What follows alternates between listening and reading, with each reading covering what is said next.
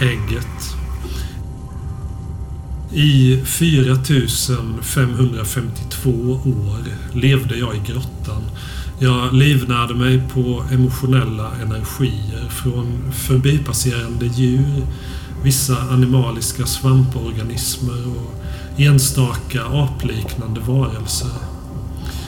Växte och vissnade beroende på tillgång till emotioner. När det var ont om föda, då sög jag i mig den närmast undermedvetna underström av känslor som larver eller sniglar genererade. Särskilt de enorma jättesniglar vars oerhört långsamma vandring passerat revy framför mig under årtusendena. Jag var stor som en nötkärna när människoskaran första gången anlände. Jag kände omedelbart deras emotioner redan innan de börjat den stora klättringen nerför bentrappan. Den jag aldrig kan klättra upp. Jag kände dem på den emotionella doft de hade. En helt ny känsla, upprymdhet. Den upprymdheten levde jag på i många år. Tills jag plockades ur jordens djup hamnade i händerna på nya människovarelser. Människostycken. Jag uppfostrades av pappa och nu, 20 år senare, är jag adopterad av min fars fostersöner. Jag är bunden till dem genom att de har min första knuta. Men sen de börjat med hjärttransformationerna har ett hjärta i taget blivit mitt. Det vet jag inte om de till fullo inser innebörden av. Känslorna har fluktuerat, men idag är mitt namn Begär. Deras lust är mitt begär, min lust är deras begär. Jag genererar lust. Hela min kötsliga lekamen darrar och lever om i spasmiska njutningar. Men dör långsamt utan emotionell input från mina slavar. Vilket också gör dem till mina välgörare. Tack vare dem blir jag starkare. Jag är medveten om min gudalika status och jag har aldrig varit så här stor. Jag är nu det största köttägg som någonsin existerat i denna interstellära kupa. Och det får mig att känna mig som en kungagud. Men det är också ansträngande. Min organism hänger nästan inte med. Den hotar att spricka i de känsliga slemhinnorna som täcker mig. Influensen från mina slavar har nästan varit övermäktig. De förökar sig, blir ständigt fler i en takt som inte känns helt behaglig längre. Stråk av smärta i den nästan plågsamt stadigvarande upphetsningen. Jag kanske kan minska dem till antalet, så som jag minskade katten från ett till intet. Med mer kött kan jag växa i volym och som de förslavade aporna beter sig kommer de inte ens att märka ett bortfall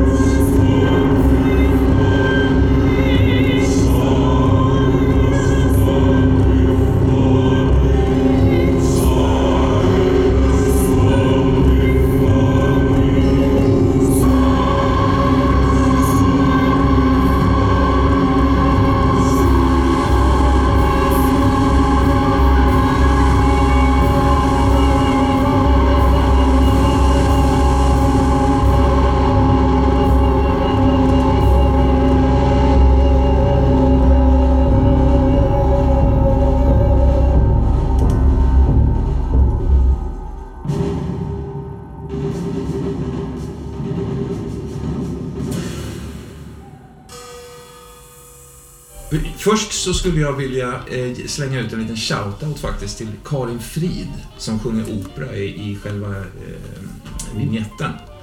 Eh, väldigt kul. Hon, eh, av en hel ren händelse faktiskt så träffades vi ute på, på krogen och så frågade jag henne om hon hade lust. Då hade jag börjat eh, fila lite på det där introt. Så frågade jag om hon hade lust att sjunga lite. Hon är operasångerska, professionell operasångerska. Och då eh, hakade hon på upp så spelade vi in det liksom, eh, min- klockan två på natten. Liksom. Nej, Och så var det en granne som, som, som sa ja, det är ju lite lyhört lite jobbigt, ängsligt sådär när man bor så här. Så hon sa ja, jag hörde att eh, det, det sjöngs ganska mycket här i natt. Så här. Ja, shit, jag hoppas inte det stör. sig." Nej, det var så fantastiskt att höra på. Så, så det var en helvändning där. Men, eh, nej, men så, så att, jag skulle vilja slänga ut en liten shout-out där. Tack Karin. Tack, Karin. Ja, det Tack. är väldigt fint. Tjusigt. Det, det är en väldigt träffande, liksom illavarslande ton som hon har träffat där. Ja, ja jag tycker också Tycker jag. Ja. Liksom, ja men förebådande så. Mm. Mm. Förra gången, vad hände då? Det är lite vaga minnen. Det häll- hälldes i s- lite ganska många droppar. Eh, kan börja med Abigail faktiskt. Du, du fick ju någon form av köttig backstory där, kan man väl säga. Jag tänker på Jareds berättelse liksom. Ja, just det. Vi läste ju den texten gemensamt där. Just det. Jo, han berättade ju där om han, sig själv och sin bror och... Mm. Just det. ehm, hur de adopterades av eh, samfundet kan man säga, eller Cyrus då. ja, just det. Eh, efter att deras föräldrar dött i en, eh, i en eh, bilolycka. Jag minns att det var, det var eh, en ganska utvecklad berättelse där om hur han och hans bror blev ado- adopterade. Mm, mm. Och sen handlade det om deras situation i New Jerusalem. Ja, just det. Och sen att de kuppade. Kan, kan man säga så? Att Mm. de, Alltså, han, de var ju inte riktigt invigda i alla hemligheterna. nej. Eh, de fick istället andra hemligheter att, fördjupa sig i. Mer om det här med det liv- livs eh, upp, uppehållande eller liksom det återuppväckande eh, idéerna som tid hade då liksom. De, det, det, uppstod, det uppstod en spricka där lite grann liksom. Och så vände, vände han lite på steken där genom, och istället genom en gåva i form av ett litet, litet köttägg då. Som de fick förvalta. Eh, är det, hjälper det? Ska man kanske läsa några strofer ur det, eller? Ja, men det, det kan nog vara bra faktiskt. Okej. Ja, det börjar ju alltså helt enkelt med att de föräldrarna dör, de hamnar i, i eh, eh, hos en familj, en viss familjen Damcaller. Och Damcaller är ett namn som har dykt upp tidigare några gånger. Eh, Carlton vet ju att eh, liket som upphittades i Douglas lägenhet var en viss Elvin. Precis. Ehm, och det vet han därför att det damp ner ett försenat telegram några dagar senare som, som inte fanns där när ni var där. Ehm, där det stod att eh, den här dammkollen ska ha liksom blivit förhindrad i New York på grund av ett, eh, om det var njurstensanfall eller något sånt där. Men att han var på väg. Och på det sättet så var hans, blev hans identitet satt och sånt där. Sen flyttar hela den här familjen till Florida och ansluter till New Jerusalem. Och så börjar det här bygget då av, av liksom, och förberedandet för det stora lämnandet, eller öppnelsen då, som han kallar det. Bröderna fick tidigt lära, lära sig om de andra som redan lämnat världen, likt Inka-folket, Olmec-folket eh, från Mexiko, Navatea-folket i Petra, Axumiterna och flera andra har gjort. Så ska också vi då, folket av Koresh, utvandra, berättar han då.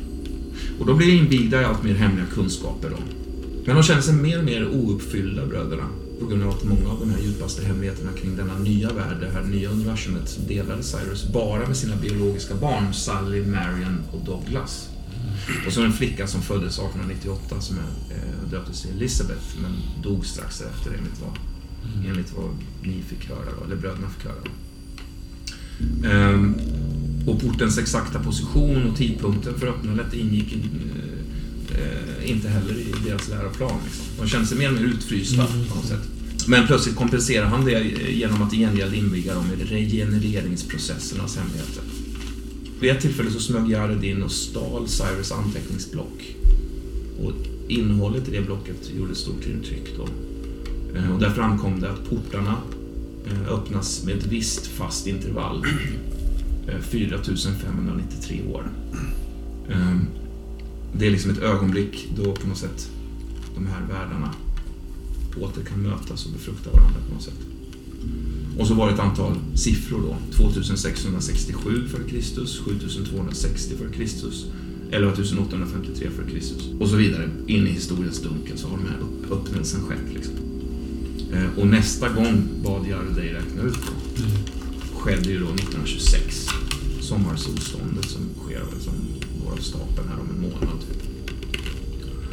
Och relationen med de här biologiska barnen, tvillingsystrarna Sally och Marion och så vidare, de, den blev mer och mer anspänd. Och plötsligt var herden borta en dag, försvunnen. Eh, och även finansiären Gustav Dammkoller var också borta. Och det skapade misstanken om att han skulle ha mördat Cyrus faktiskt. Och han var borta i flera, flera veckor. Sex veckor var han borta. Eh, och under den här tiden så bildade bröderna Abdelkader ett tillfälligt ledarskap tillsammans med Anne Ordway, som är då Cyrus fru. Och samtidigt den här tanten som slickade på tavlan. Ah, de samma. Eh, Men de, här, de 512 människorna i sekten, de var utom sig av oro och sorg. De gick inte att stillas liksom. Det var kaos. Sådär. Eh, Och sex veckor var han borta. Och när han återvände så var han mycket, mycket svag. Vägrade träffa någon, höll sig inomhus. Och sen kom han tillbaks med, med en, en nyvunnen glöd, men också ett stort mörker. Och han berättade att hans beräkningar hade stämt. Märket låg just där det borde ligga och så vidare. Och sen skulle bröderna få höra då att herden hade begett sig ner i grottorna tillsammans med sin vän Gustav. Eh, men att han hade blivit kvar där nere i djupet. Och Cyrus hade återvänt med en oerhörd skatt. Olika exemplar av svampar, blommor, även insekter samt mindre djur. Liksom en hel fauna som han hade funnit i grottornas djup. Att Choctaw-indianernas legender hade stämt då. Och när Koresh blev, han kallar sig själv Koresh då, eh, blivit starkare begav han, sig- begav han sig tillbaka till grottorna. Eh, men bröderna fick aldrig veta den exakta vägen. Så de vet ju inte den exakta vägen. Så att säga. Det har de ju försökt utvinna ur både Elizabeth och, och, och andra då. Och vid ett tillfälle gjorde de själva ett försök. Men resultatet blev att Aziz nära miste livet i ett fall. Aziz är ju Dr. Parnas och Jared är ju Mr. Horst. Eh, Så att, så att Aziz eh, höll på att dö där helt enkelt. Och eh, det var, alltså Cyrus blev mäkta förbannad på dem där. De fick någon slags samtalsförbud i tre månader. Och på varsitt håll så odlade, odlade de sin vrede där. Men precis när det började bli dags att upphäva det här samtalsförbudet så överraskade han dem igen då med en oväntad kärleksgåva som var då ett ägg. Svart, mjuk, liten köttklubb så här. Och Jävla intressant. Ja, det är intressant. Eh, Han, han menar då att det är alltså en, ett föremål som kommer från världen, världen bortom. Liksom. En liten klump av levande materia som han hittat i slemsäcken där nere i grottorna. Eh, och han kallar det för ett köttägg. Då. En organism med förmågan att lagra emotioner. Ett slags emotionellt batteri. Och han hade också ett annat ägg som laddades av Marion. Eh, en av de här tvillingflickorna, Sallys syster. Eftersom hennes emotionella tillstånd var så harmoniskt och kärleksfullt. Och det blev som en slags lyckobatteri för hela New Jerusalem kan man säga. En kort lycklig tid där. Bröderna skickas också efter, eh, på en lång studietid faktiskt. Där de eh, studerar både i Italien och de reser till Konstantinopel och um, vissa platser i Orienten. Och ganska extensivt utgrävande av Tanis, gamla Janet, en, en stad i, i Egypten. Och via tusenåriga ritningar och anteckningar som de hittar i Tanis ruiner så lyckas de bygga en så kallad portalspegel faktiskt. Och det var så de kom i kontakt med Omla Jan, helt enkelt, och kunde, fick ett samarbete med honom. Och han var för tillfället arbetslös, alltså han hade ingen förankring i vår värld. Han accepterade brödernas invit och lät sig bojas med hjälp av en docka. Eh, och de kunde komma hem och stolt presentera både Omla Jan och spegelvärlden och, och det här liksom. Eh, men Cyrus var väldigt tveksam till det här. Eh, och motkravet som han hade var att dockan skulle vara i hans ägo. Dockan var en slags boja då, den skulle vara i hans ägo. Han gav den först till Marion, men hon tyckte den var så obehaglig så att hon gav den, alltså så Sally fick ta den liksom. Tack för det. och när du, när, när du Sally behandlade den där illa så blev bröderna vansinniga alltså. Och Anne Ordway, som, som än mer än Cyrus fäst sig vid Omla Jan faktiskt, eh, bestraffades dig väldigt hårt när du försökte slänga dockan i vattnet eh, i den här lådan då. Där ni låg och pratade, viskade till varandra i veckor. Ja, men sen kommer det här återupplivningsförsöken eh, igång igen. När plötsligt då 1908 så rämnar hela New Jerusalem då när, när herden misshandlas svårt av en Sheriff Sanchez i, i Fort Myers. Som hade satt samman en stor lynchmobb, mer eller mindre. Eh, Cyrus var ganska politiskt aktiv i Fort Myers och reste runt, föreläste en del, hade en tidskrift, eh, Flaming Sword, där han liksom pumpar ut sina bibliska budskap kan man säga. Och eh, han blev alltså misshandlad då och eh, låg för döden under någon dag eller två. Då skrev han också det här brevet till dig Sally som du läste i vattentornet. Eh, han säger också det Jared att den sista tiden i New Jerusalem var kaotiskt. Först flydde Madeleine O'Connor med de tre barnen och kort därefter misshandlades ledaren. Och det blev också slutet på den blomstrande berättelsen som aldrig kunde kuvas liksom.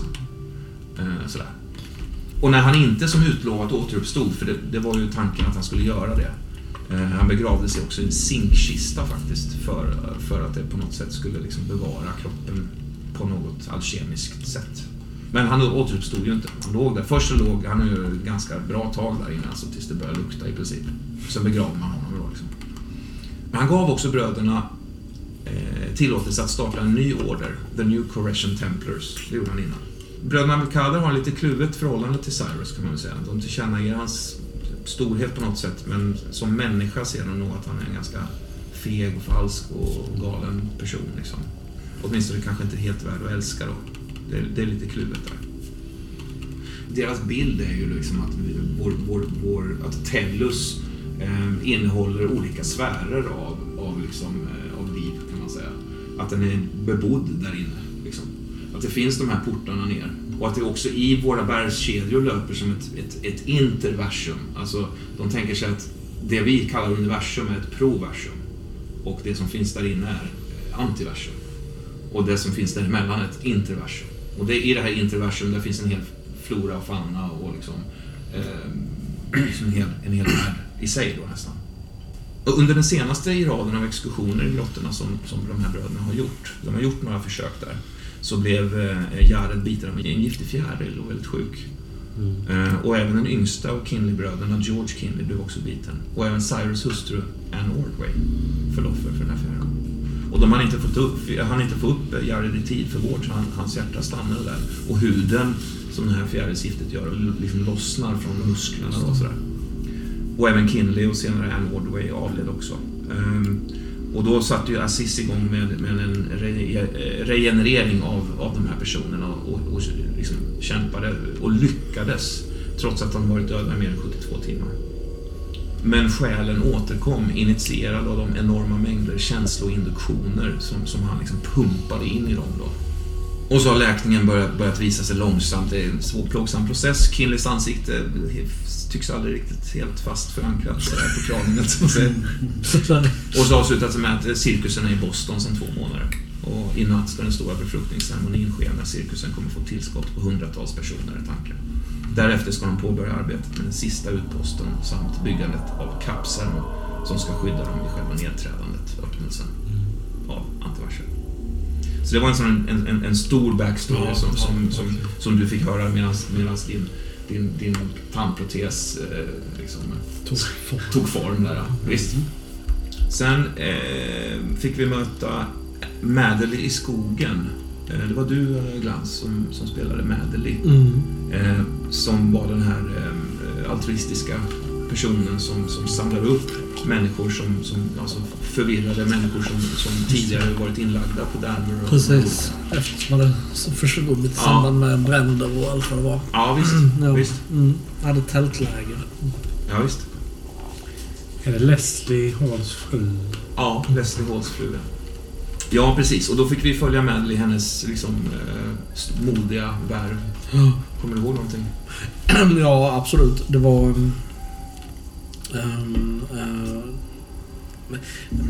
För en utomstående kaotiskt, men Mm. för, för Madeleine så hade hon ju full kontroll över, Mm. över det här. Det var eh, som ett stort tältläger med, Mm. med många av de här människorna som, som vandrade in lite varifrån och som vi tog hand om. Ja. Ett antal, eh, som man säger, ideellt eh, ja, volontärer som Mm. arbetade där. Så vi kanske inte hade någon nödvändigtvis mycket medicinsk utbildning, men vi, vi hade ett stort eh, humant hjärta. Exakt. Mm. Din far var ju också en av de som hjälpte till där. Det var han. Det var han. Och den här Dr. Boff också. Dr. Boff, ja just Det det. fanns ju läkare där om inte jag minns. Det är helt riktigt. Dr. Den enda med medicinsk utbildning, ja. Mm. ja. Och du, Mansueto, du, du var ju typ den enda i sjukhusledningen som så att säga eh, inte förkastade Madeleines liksom... Nej, jag tycker Försök att det var snarare lovvärt. Ja, Mm. mm, visst. Nödvändigt. Ja, visst. Sen dök det upp en annan doktor där. Mm. Eh, det, Också med någon slags... Dr. Günther. Dr. Günther. Han är ju inte lika trevlig alltså. Jag försökte liksom först köpa loss. Först liksom förmana och sen mer rakt hota och köpa loss och så här. det gick väldigt tvära kast tycker jag mellan Ja. inslaget där Ja, det gjorde i argumentationen. Ja, det gjorde det. det. gjorde det. Han kändes desperat liksom. Mm.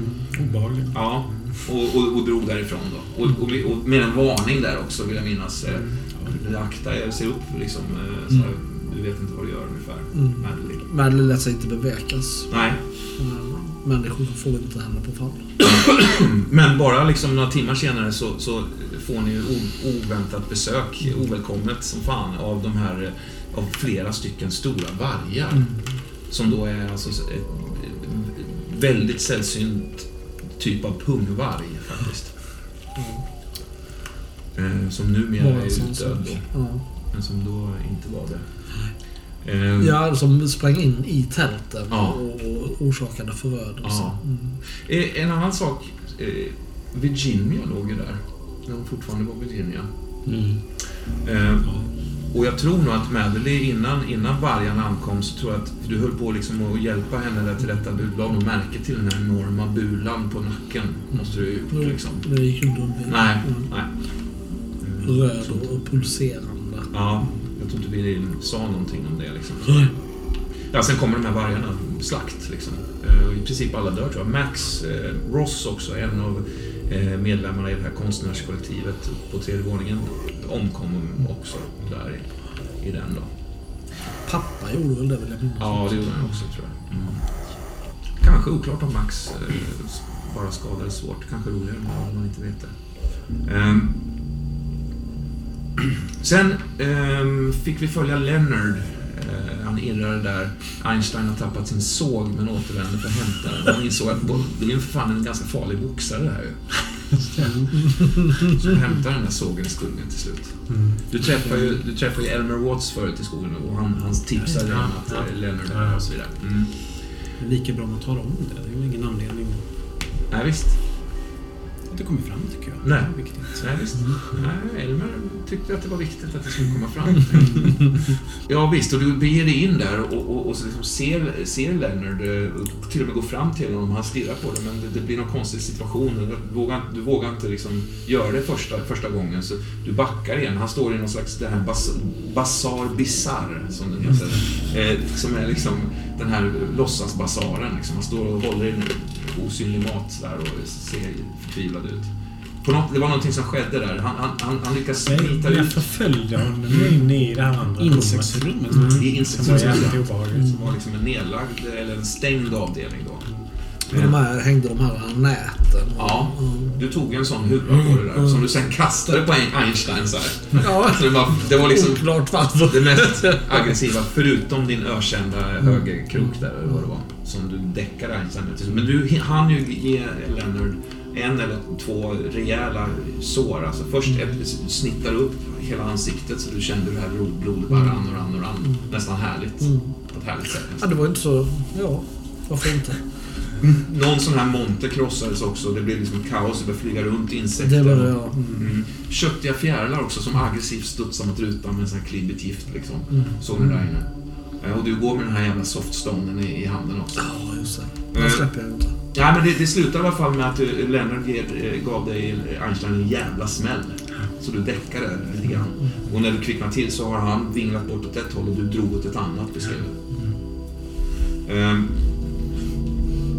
Precis. Och du hamnar ju i den här orgien slutligen. Lennart. Och ser Debra och Lars Stensson där. Ja. Eh, Det uppstår någon konstig grej. Hon säger att barnet är inte ditt, det är vårt. Vi kan leva ihop alla tre, säger hon. Ja. Medan du kliver på Lars Stenssons ansikte. ja, det gör jag precis. Det är som en, en gå på någon slags madrass. Ja, visst. Ja. Ja, men visst, du, du, kliver på honom. Han tycks i och för sig ganska oberörd av Ja. det. Sådär. Jag är också förvånansvärt oberörd Ja, av det är det här budskapet. Ja, det det. Eh, jag, jag, men det, det växer ju någonting i mig från att ha varit liksom en, en fullständig upplevelse av lust och inte så mycket annat egentligen. Så, Mm.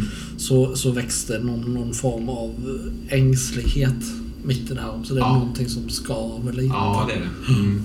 Du, du, du lösgör dig slutligen ur hennes grepp där. Mm. Du har ju fortfarande den här eh, vad, François heter han. Ja, just det. Han med- Mannen med pipskägget. Ja, ja Eh, precis. I hand, håller honom i handen. Ja, vi är oskiljaktiga. Ja, det, det, det tycks som det. Alltså.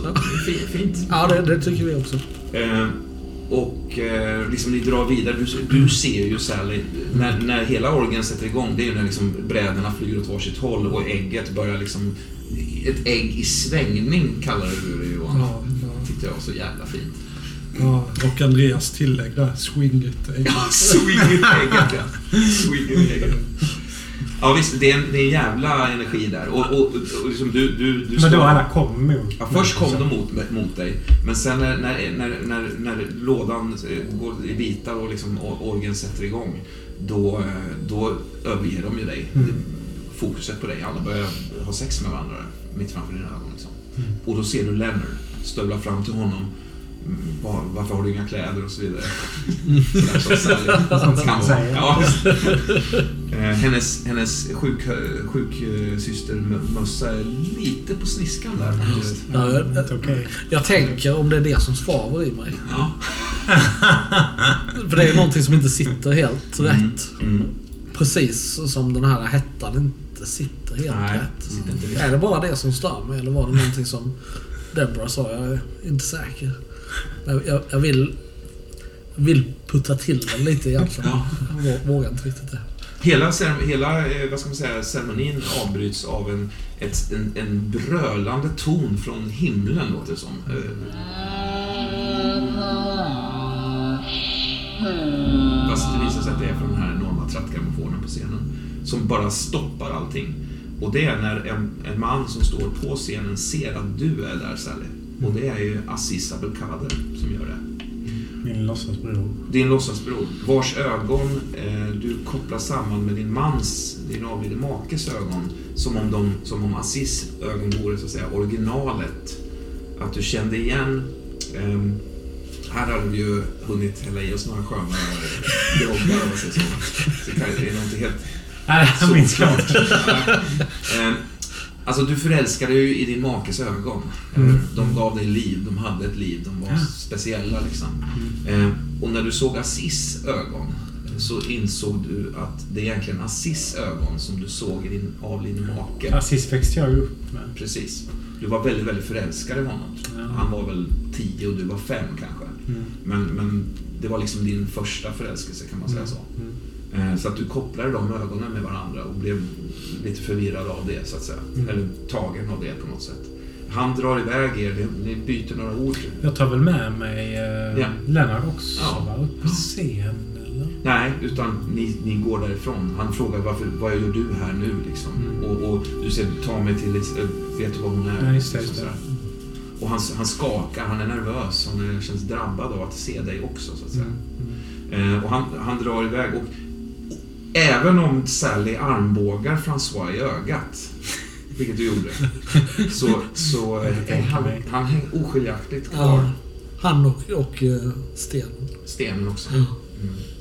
Och några andra personer faktiskt som hamnar i ett släptåg. Ja, så det är inte ens det är nästan som ett litet eh, sådär partytåg. Följe. Ja, ett litet följe. Exakt, ja, visst. Och där släppte vi er för den gången. Sen hamnade vi i skogen när eh, Frank och Christopher skulle göra den här överlämningen av Virginia slash Abig- Abigail.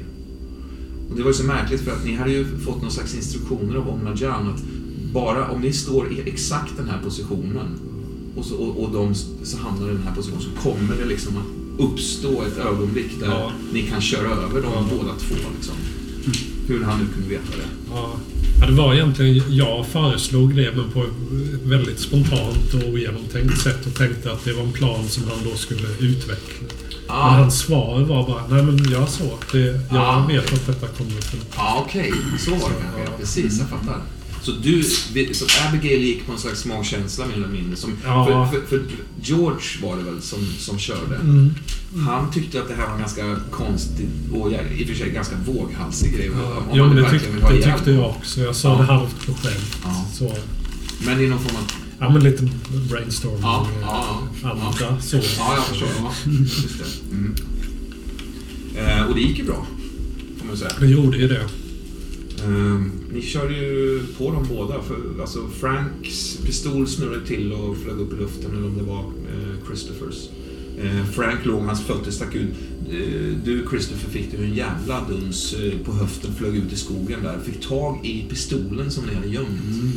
Och plötsligt fann dig siktandes mot kärlek, som, ditt kärleks... Ditt stora, ditt stora kärlek. Just det. eh, Virginia. Och i den här tvekan, du klarar ju inte av att, trycka in avtryckaren. Nej. Trots att du insåg att du kanske må, Ja. Alltså, Det, det var någon som slog bort pistolen. Var det någon som sköt mig? Var det inte? Ja, det jag fick var- skott i axeln och sånt där. ja, precis. George Kinley eh, sköt, sköt dig. Och det blev svart, liksom. Sen blir man kopplad och mördad utav... Jag kommer inte ihåg detaljer, men det var våldsamt sadistiskt eh, Mm. avrättning där. Men det är kanske den som var, stod för avrättningen kan... Ja, det var ju så att jag i, i den här överlämningen, vi...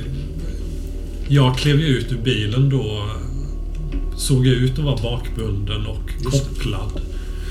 Att Jared höll mig i ett koppel då. Och, men det kopplet hamnade ju kring din hals istället då när du låg i skogen. Men jag drog dig mot en av de här bassängerna. Ja, Där det. jag skulle ja, dränka dig.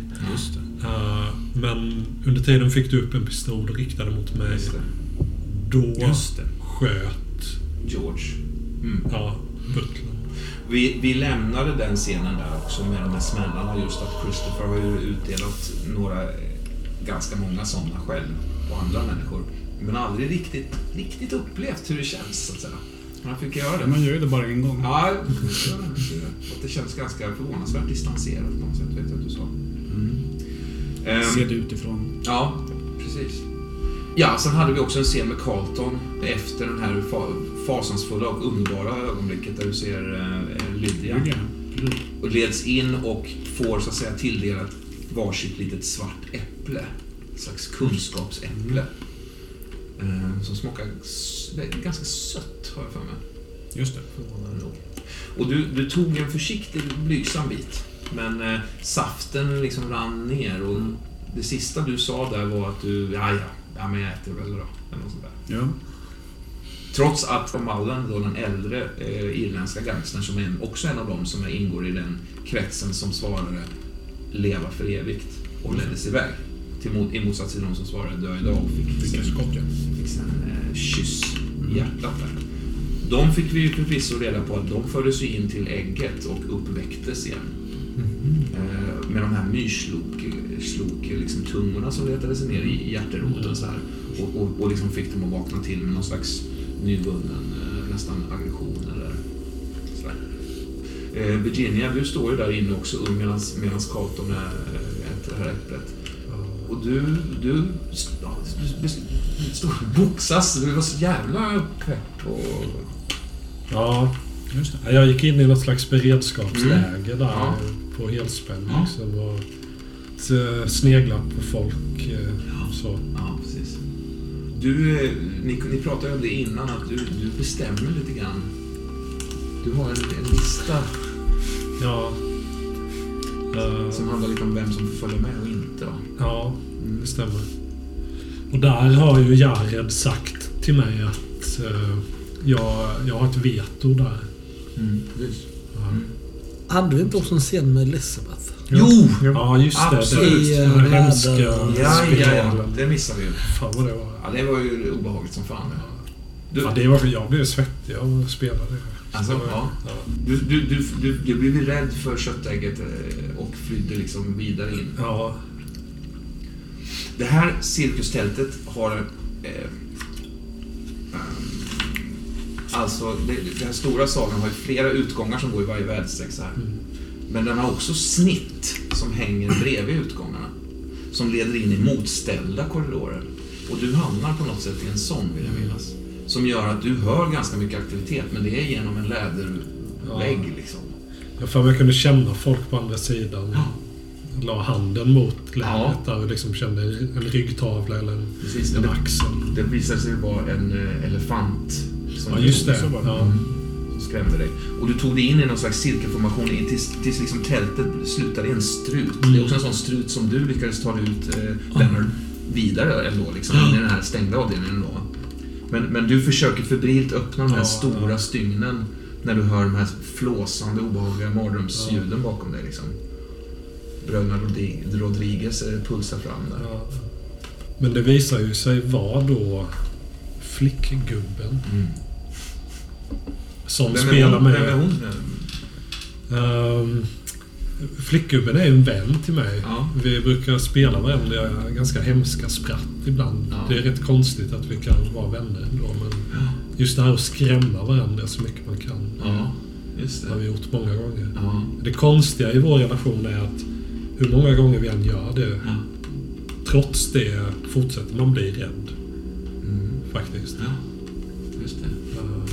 Det som var så otäckt med bröderna Rodriguez beskrev du också som att han ser, så att säga, han ser snäll ut. ja, Det som om man själv tror att han är snäll. ja. Fast han, du vet, han har ingen Nej, förmåga att liksom... precis. Vad ska man säga? Han är... Kan inte liksom... Vad ska man säga? Hans... Eh, förstår inte sitt eget, Nej. liksom... Sin egen hemskhet eller Nej. sin egen...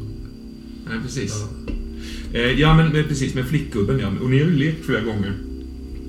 Vi har fått höra det förut, att du har haft en låtsaskompis och så vidare. Ja. Vid något tillfälle i vattentornet så kollar du ut genom den här skottgluggen där. Snart händer Ja. snart kommer han. Så här. Ja, han har ju funnits med. Och ni har ju pratat ganska mycket. Ni har också lekt eh, ramsan och sådär. Och Ja, ju liksom ja. lära sig ja, den. Ja. Och du har försökt att lära honom så gott du kommer ihåg, så att säga. Mm. Du kommer ju inte ihåg allting riktigt, så här. det är ju lite luddigt ändå. ja, det är det. Det är lite slumpmässigt också. Ja. Ena dagen kommer jag ihåg en Mm. bit, Ja. andra dagen kommer jag ihåg en annan bit. Ja, det, det, det. Mm, precis.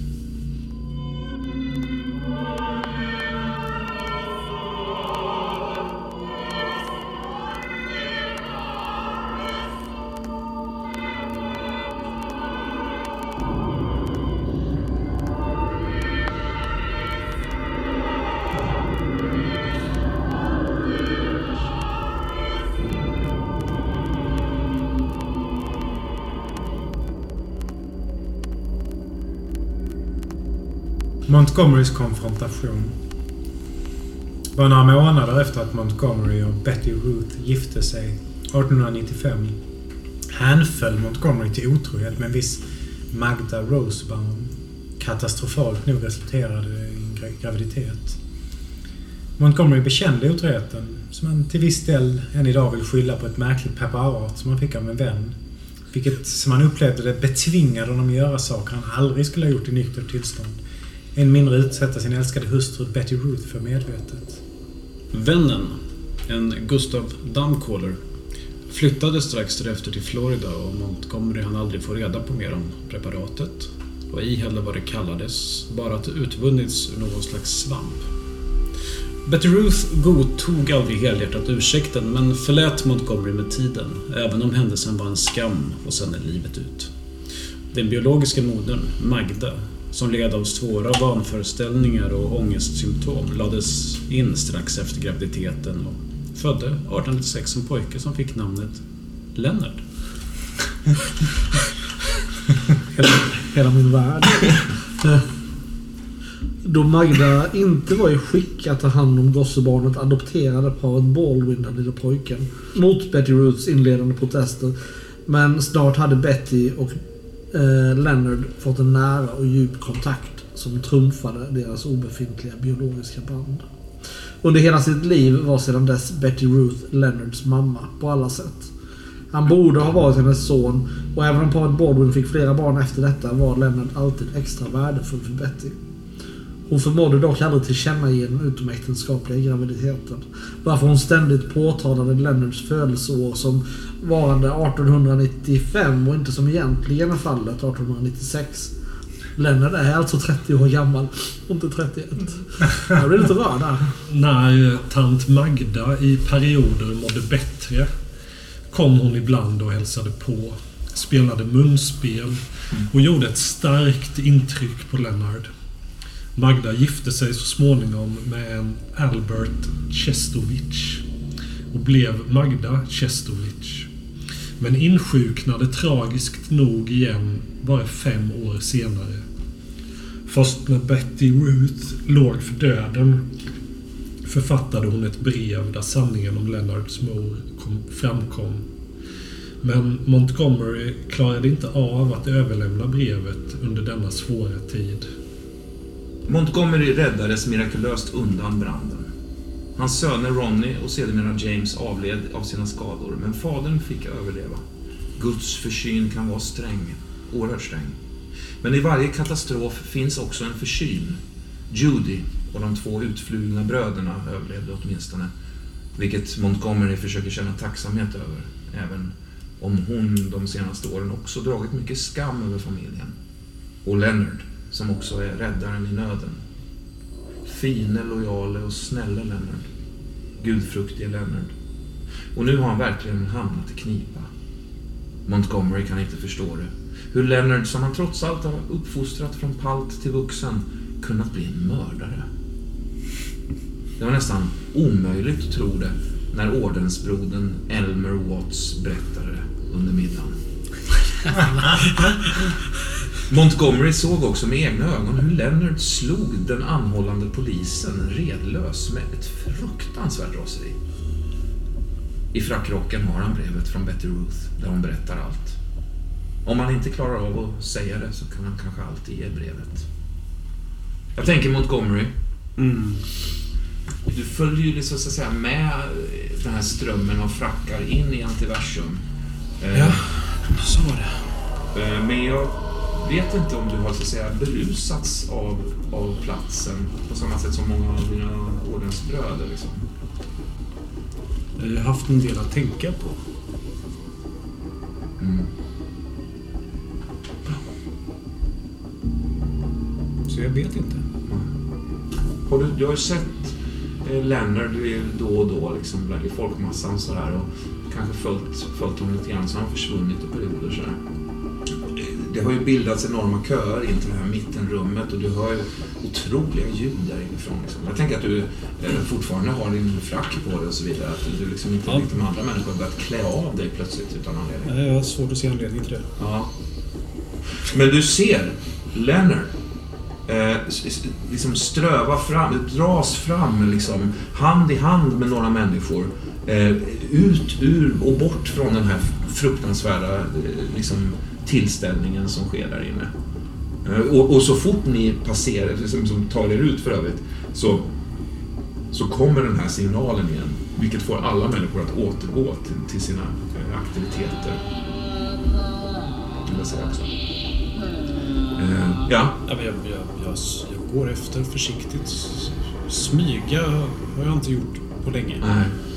Det, Men nu gör jag det. ja, det är knappt så det behövs. Folk skriker och gormar och liksom det, är ett, det är ett ganska hög volym där inne. Men kanske, kanske smyga mest för min egen skull. Mm. Ja, men det, det, det står nog en, en, en, en naken kar faktiskt eh, som inte liksom ingår riktigt i, någon, i något, något sällskap eller någon, något par. Eh, som vänder sig om och ser dig där och ser helt överlycklig ut. Jag undviker ju omedelbart blicken såklart. Ja. Som vilken redig herre Kom, kom! Du måste klä av dig! Säger han. Så tar, han börjar ta tag i dig och Det försöker... tänker jag liksom- verkligen inte göra. Nu får ni släppa mig. Kom, kom! Nej, nu, nu, nu är du god och släpp mig. Eh, Han, han, han, han, gör en ansats att försöka öppna liksom, frackskjortan där. Nej, det här går inte alls för sig. Försöker trycka bort den här. Ja, vi får slå. Alltså en sexa. Fyra. Eh, ja, men du liksom rycker det loss där på något Ja. sätt då. Ja. Då får jag ju, då får jag ju nästan småspringa ett Ja. par steg i alla fall för Ja. att komma ifrån den här. Hur ser du ut? Ja, hur skulle du beskriva din far, Lennart? Pappa har ju ett ståtligt, eh, ståtlig vit kalufs. Trots åldern har Hög, eh, hög lugg. Ja, precis. Ja, precis. Trots, trots åldern så har han inte börjat tappa håret direkt så, men det, det är liksom en, en stor vit, eh, eh, ja, rätt hög kalufs. Som, som jag har alltid tyckt att den sett rätt så, så ståtlig ut på något vis. Och, och sen ett, ett rätt så runt ansikte. Han är inte tjock eller så, men ett rätt så ovalt runt ansikte. Och ja, ändå en... en, en, ehm, ja, men jag har ju upplevt honom som en kraftfull person. Du har ju en brännskada som löper över kinden. eh, Som är ganska nasty ändå. Ja. Ehm, Det här, det här liksom lilla tåget av människor, det är en fem, sex personer kanske, som, som är, de håller på att snirkla ut. Eh, Du ser en efter en kliver in i någon slags snitt bara i väggen. eh, Som är precis bredvid en, en normal öppning. Så det ser ut som att de nästan försvinner in i väggen en en. Jag följer fram och känner där. Okej, du, du, du springer fram när den sista har så att säga Ja, flugit igenom. Eh, ja, du känner det. Ganska fort så ser du faktiskt att det svajar till och att det är liksom ett tunt, tunt fint snitt där. Ja, jag tittar in. mörk korridor men du, ser, du, du både ser och hör eh, steget traskandet framför dig. Ett antal av de här eh, cirkusmedlemmarna också eh, har följt med in där faktiskt. Jag, följer efter. Mm. okej. Vad ska, vad ska de göra? Ja, visst. Sally. Du, du, du, du strövar ju fram där och det är liksom, du, du mer eller mindre dras. Håller du Assis i handen eller? Det tror jag inte. Nej. Däremot så kanske jag håller... Jag håller Lennart i handen kanske. Mm, så- Men Assis, han, he, han kallar ju sig Assis, men... Han heter Assis men kallar sig Dr. Parnas. Just det, alltså jag har kallat honom Assis en gång tiden. Ja, det- ja men vad bra. Mm. kolla. Ja, precis. Jag tror knappt du vet vem Dr. Parnas är va? Eller? Nej, det har jag nog aldrig Alltså, hört. så, nej, nej. Ta det lite lilla lugna Assis. Vi verkar ha en hel eh, svans efter oss. Han kastar ett öga bak. Vi är på väg mot samma håll, Sally. Till Elisabeth. Det kan man säga. Då stannar jag honom liksom. Tar tag i honom. Vart för du mig egentligen? Du måste göra som de säger, Sally. Du måste göra Känner du mig överhuvudtaget Assis? Är jag en person som gör vad andra säger? Hur länge satt jag i den där kistan? Ja, jag vet. Jag förstår det, Sally. Och jag kan bara vädja, men... Uh, Jag tror, jag att jag ger honom en. Ja, Det är min dotter Assis. Var är hon? ja, han blinkar till. Blir lite, lite röd på halsen så här. Var är Elisabeth? Vi är på väg till henne nu, du Jag ser att du ljuger. Tror du att jag är helt eh, tappad bakom en vagn? Ändå vuxit upp med dig. Dina ögonlock rycker. Vet att du snackar skit. Varför är ni så upprörda? Håll dig nära mig, Lennart. Håll eh, knytnävarna laddade. Håll upp stenen. Du kommer få veta allt, Sally. Men då måste du också lita på mig. Du måste också göra vad jag säger och du måste framförallt göra vad de säger. Inte för din skull, men för Elizabeth. Det låter som ett hot. Du är i Cirkus Antiversum just nu, Sally. En plats som du förkastar, föraktar. Du behöver inte tala om för mig vad jag känner. Däremot undrar jag varför Lennart inte har några byxor på sig. Hmm. Därför att han också har varit på Cirkus Antiversum. Men av andra, andra anledningar kanske. Jag tittar ner på mig själv som att liksom visa upp att jag har min sjuksköterskedress på mig. Det är också därför jag förstår att du, att du föraktar oss. Följ med nu, Sally. Vi kan prata ut om allting, du ska få reda på allting. Jag vill säga en sak till Assis. Även om jag är en envis person så är jag inte oföränderlig. Jag är inte främmande för intryck. Inte så att jag föraktar er. Mycket jag har börjat tänka annorlunda om. Jag vill veta mer om eh, pappa. Vad det var han ville egentligen. Du ser hur faktiskt tårar stiger i ögonen på hans sista. Men först måste jag hitta Elisabeth. Förstår du kanske? Jag förstår det. Och ehm, jag ämnar ta dig till henne. Gå då. Du känner Lennart! en knuff från en eh, kultist liksom. Eh, som börjar liksom, vad ska man säga, knuffa fram er snarare än att, att, dra, dra, att ni drar själva. Ja, liksom. ja, ja, ja. gör ingenting med det. Nej, nej. Fortsätter gå. Liksom så här. Mm. Ska, vi, ska verkligen den gubben följa med oss? Varför flinar han? Han, det är François. Quel est le problème? Han verkar märkligt... Eh, Oh, allons-nous! varför är han eh, upps- uppspelt? Tittar lite neråt så med blicken. Ja, äh, ja, det har jag inte tänkt på. Um, ja, men han är väl glad som alla här. Det får man väl eh, glädjas åt. Han eh, gör en lätt bugning till dig, Sally. Je m'appelle François. Nickar. Jag vill inte ta den handen. Jag vet inte var den har varit någonstans. Nej, visst. Han har varit, i Lennarts hand. Ja, jag tar den igen. Ja. Så. Han, han, han- han tar ett kliv mot dig där faktiskt. Je vraiment aime notre passé. Sen sitter på det. Ja, jag bara ler. Jag vet inte vad han säger. Est votre nom. Est votre nom. Ja. Skärp dig nu! Nej, jag, point pas, pas de mal. Gör honom inte upprörd. Vem vet vad han vais partout. Jag tycker vi lämnar honom här Nej, men han måste fördöma. Han, han måste fördöma. Ylva är inte här. Elisabeth är vi letar efter. Andra hållet. Nej, jag, jag tar, nej, nej. Jag, jag ger honom eh, stenen. Ja, Ehm, så. Och så, så tar jag ha- hans hand igen Ja, och så, så leder jag honom vidare. Ja, Ja. visst. Ja, traska vidare. Plötsligt är det ett minne som slår dig, Sally. Kommer du ihåg det här när den här galna tanten anföll liksom? Ni hoppade in fönster, liksom var där inne på det, i den här skott... Eh, det. I det här som eh, Carlton visade till. Eh, Mm, skjutbanan. Ja. Du får någon sån här doft av brända ägg där. Du brände vid äggen vid det tillfället. Mm, Eh, Det har varit några sådana här ögonblick och situationer. Till exempel när du gjorde det här fruktansvärt starka kaffet, också till Carlton faktiskt. Carlton, när han var så fruktansvärt bakfull i tornrummet där. Stängde du av spisen den gången? Du, du vet, du har haft några sådana här liksom, moments så va? Och den här doften av brända ägg fyller dina näsborrar på något sätt. Liksom. Ehm,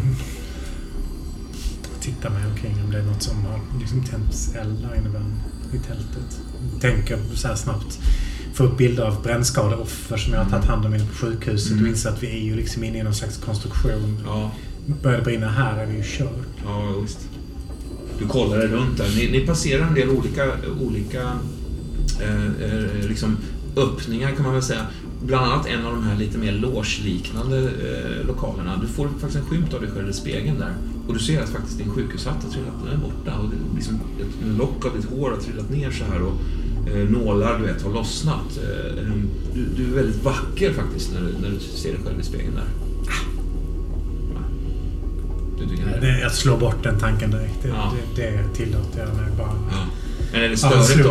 Att, att liksom, du är så i sån oreda? Ja, men jag, jag, jag ska liksom stanna upp och börja fixa hårnålarna Ja. men då håller Assis på att försvinna Mm. runt en knut. Så jag måste liksom skynda efter så jag Ja, försöker göra det och tappa flera hårnålar istället som åker ur så mer hår liksom Ja, visst. fram framför ögonen. Ja, visst. Eh, genast kommer två stycken eh, av de här kultisterna och tar, dig- tar dig i varsin arm och, och liksom trycker dig framåt eh, med ganska hård... Släpp mig! Släpp mig! Svinstarka alltså. En man och en kvinna som, som båda liksom är som, ja, stenstoder alltså verkligen. Superbestämda. Jag bara resignerar och, och, åker med liksom. Ja. Mina händer läggs på de här två kultisterna så, eh, bakifrån och, och, liksom... tar det så nätt. Kvinnan vänder sig om mot dig och säger hon öppnar munnen så har hon liksom ingen tunga där. Jag backar så. Ja. Ja. tar det vidare fram där.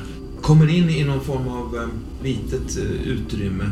Överhuvudtaget så har de här eh, korridorerna blivit mycket trängre och trängre upplever ni. Kan, kan jag fråga Lennart något på vägen? Absolut. Lennart, eh, jag vet inte riktigt hur jag har kommit hit. Nej. Eh, har, du, har du gått kanske eller åkt jag och bil? Elisabeth var i, var i vattentornet. Och, och sen plötsligt så eh, klättrar vi upp på underjorden. Och hamnar här. Ja, det... Det förstår jag inte men det är mycket man inte förstår här. Ex, exakt. Ja. Lägga ner samtalet. Ja. Jag känner att det här kommer inte leda mig någonstans. Någonstans på vägen, jag blev ju av med min sten. Mm. Någonstans på något sätt på vägen har jag fått tag på, på sådana här fingersymboler. Mm. Mm. Visst. Så är det som... Ding, ding. Och sen så... Det ljudet som dör väl omedelbart. Ja, Det är- rätt så. Ja. Fortsätter det lukta brända ägg? Ehm, nej, det har nog faktiskt försvunnit, passerat. Ja, Känner du också att det luktar bränt? Jag tror jag faktiskt inte att du gjorde det. Lennart. Inte ens eh, med tanke på vad du har hinkat i det. Nej. Nej, eh, Bränt. Bränt. Nej, inte bränt. Plötsligt så när du vänder dig tillbaks eh, Sally så ser du Aziz är på väg mot dig med ganska kraftfulla steg. Är Som om han kommer gå rakt in i det. Han går med väldig hastighet.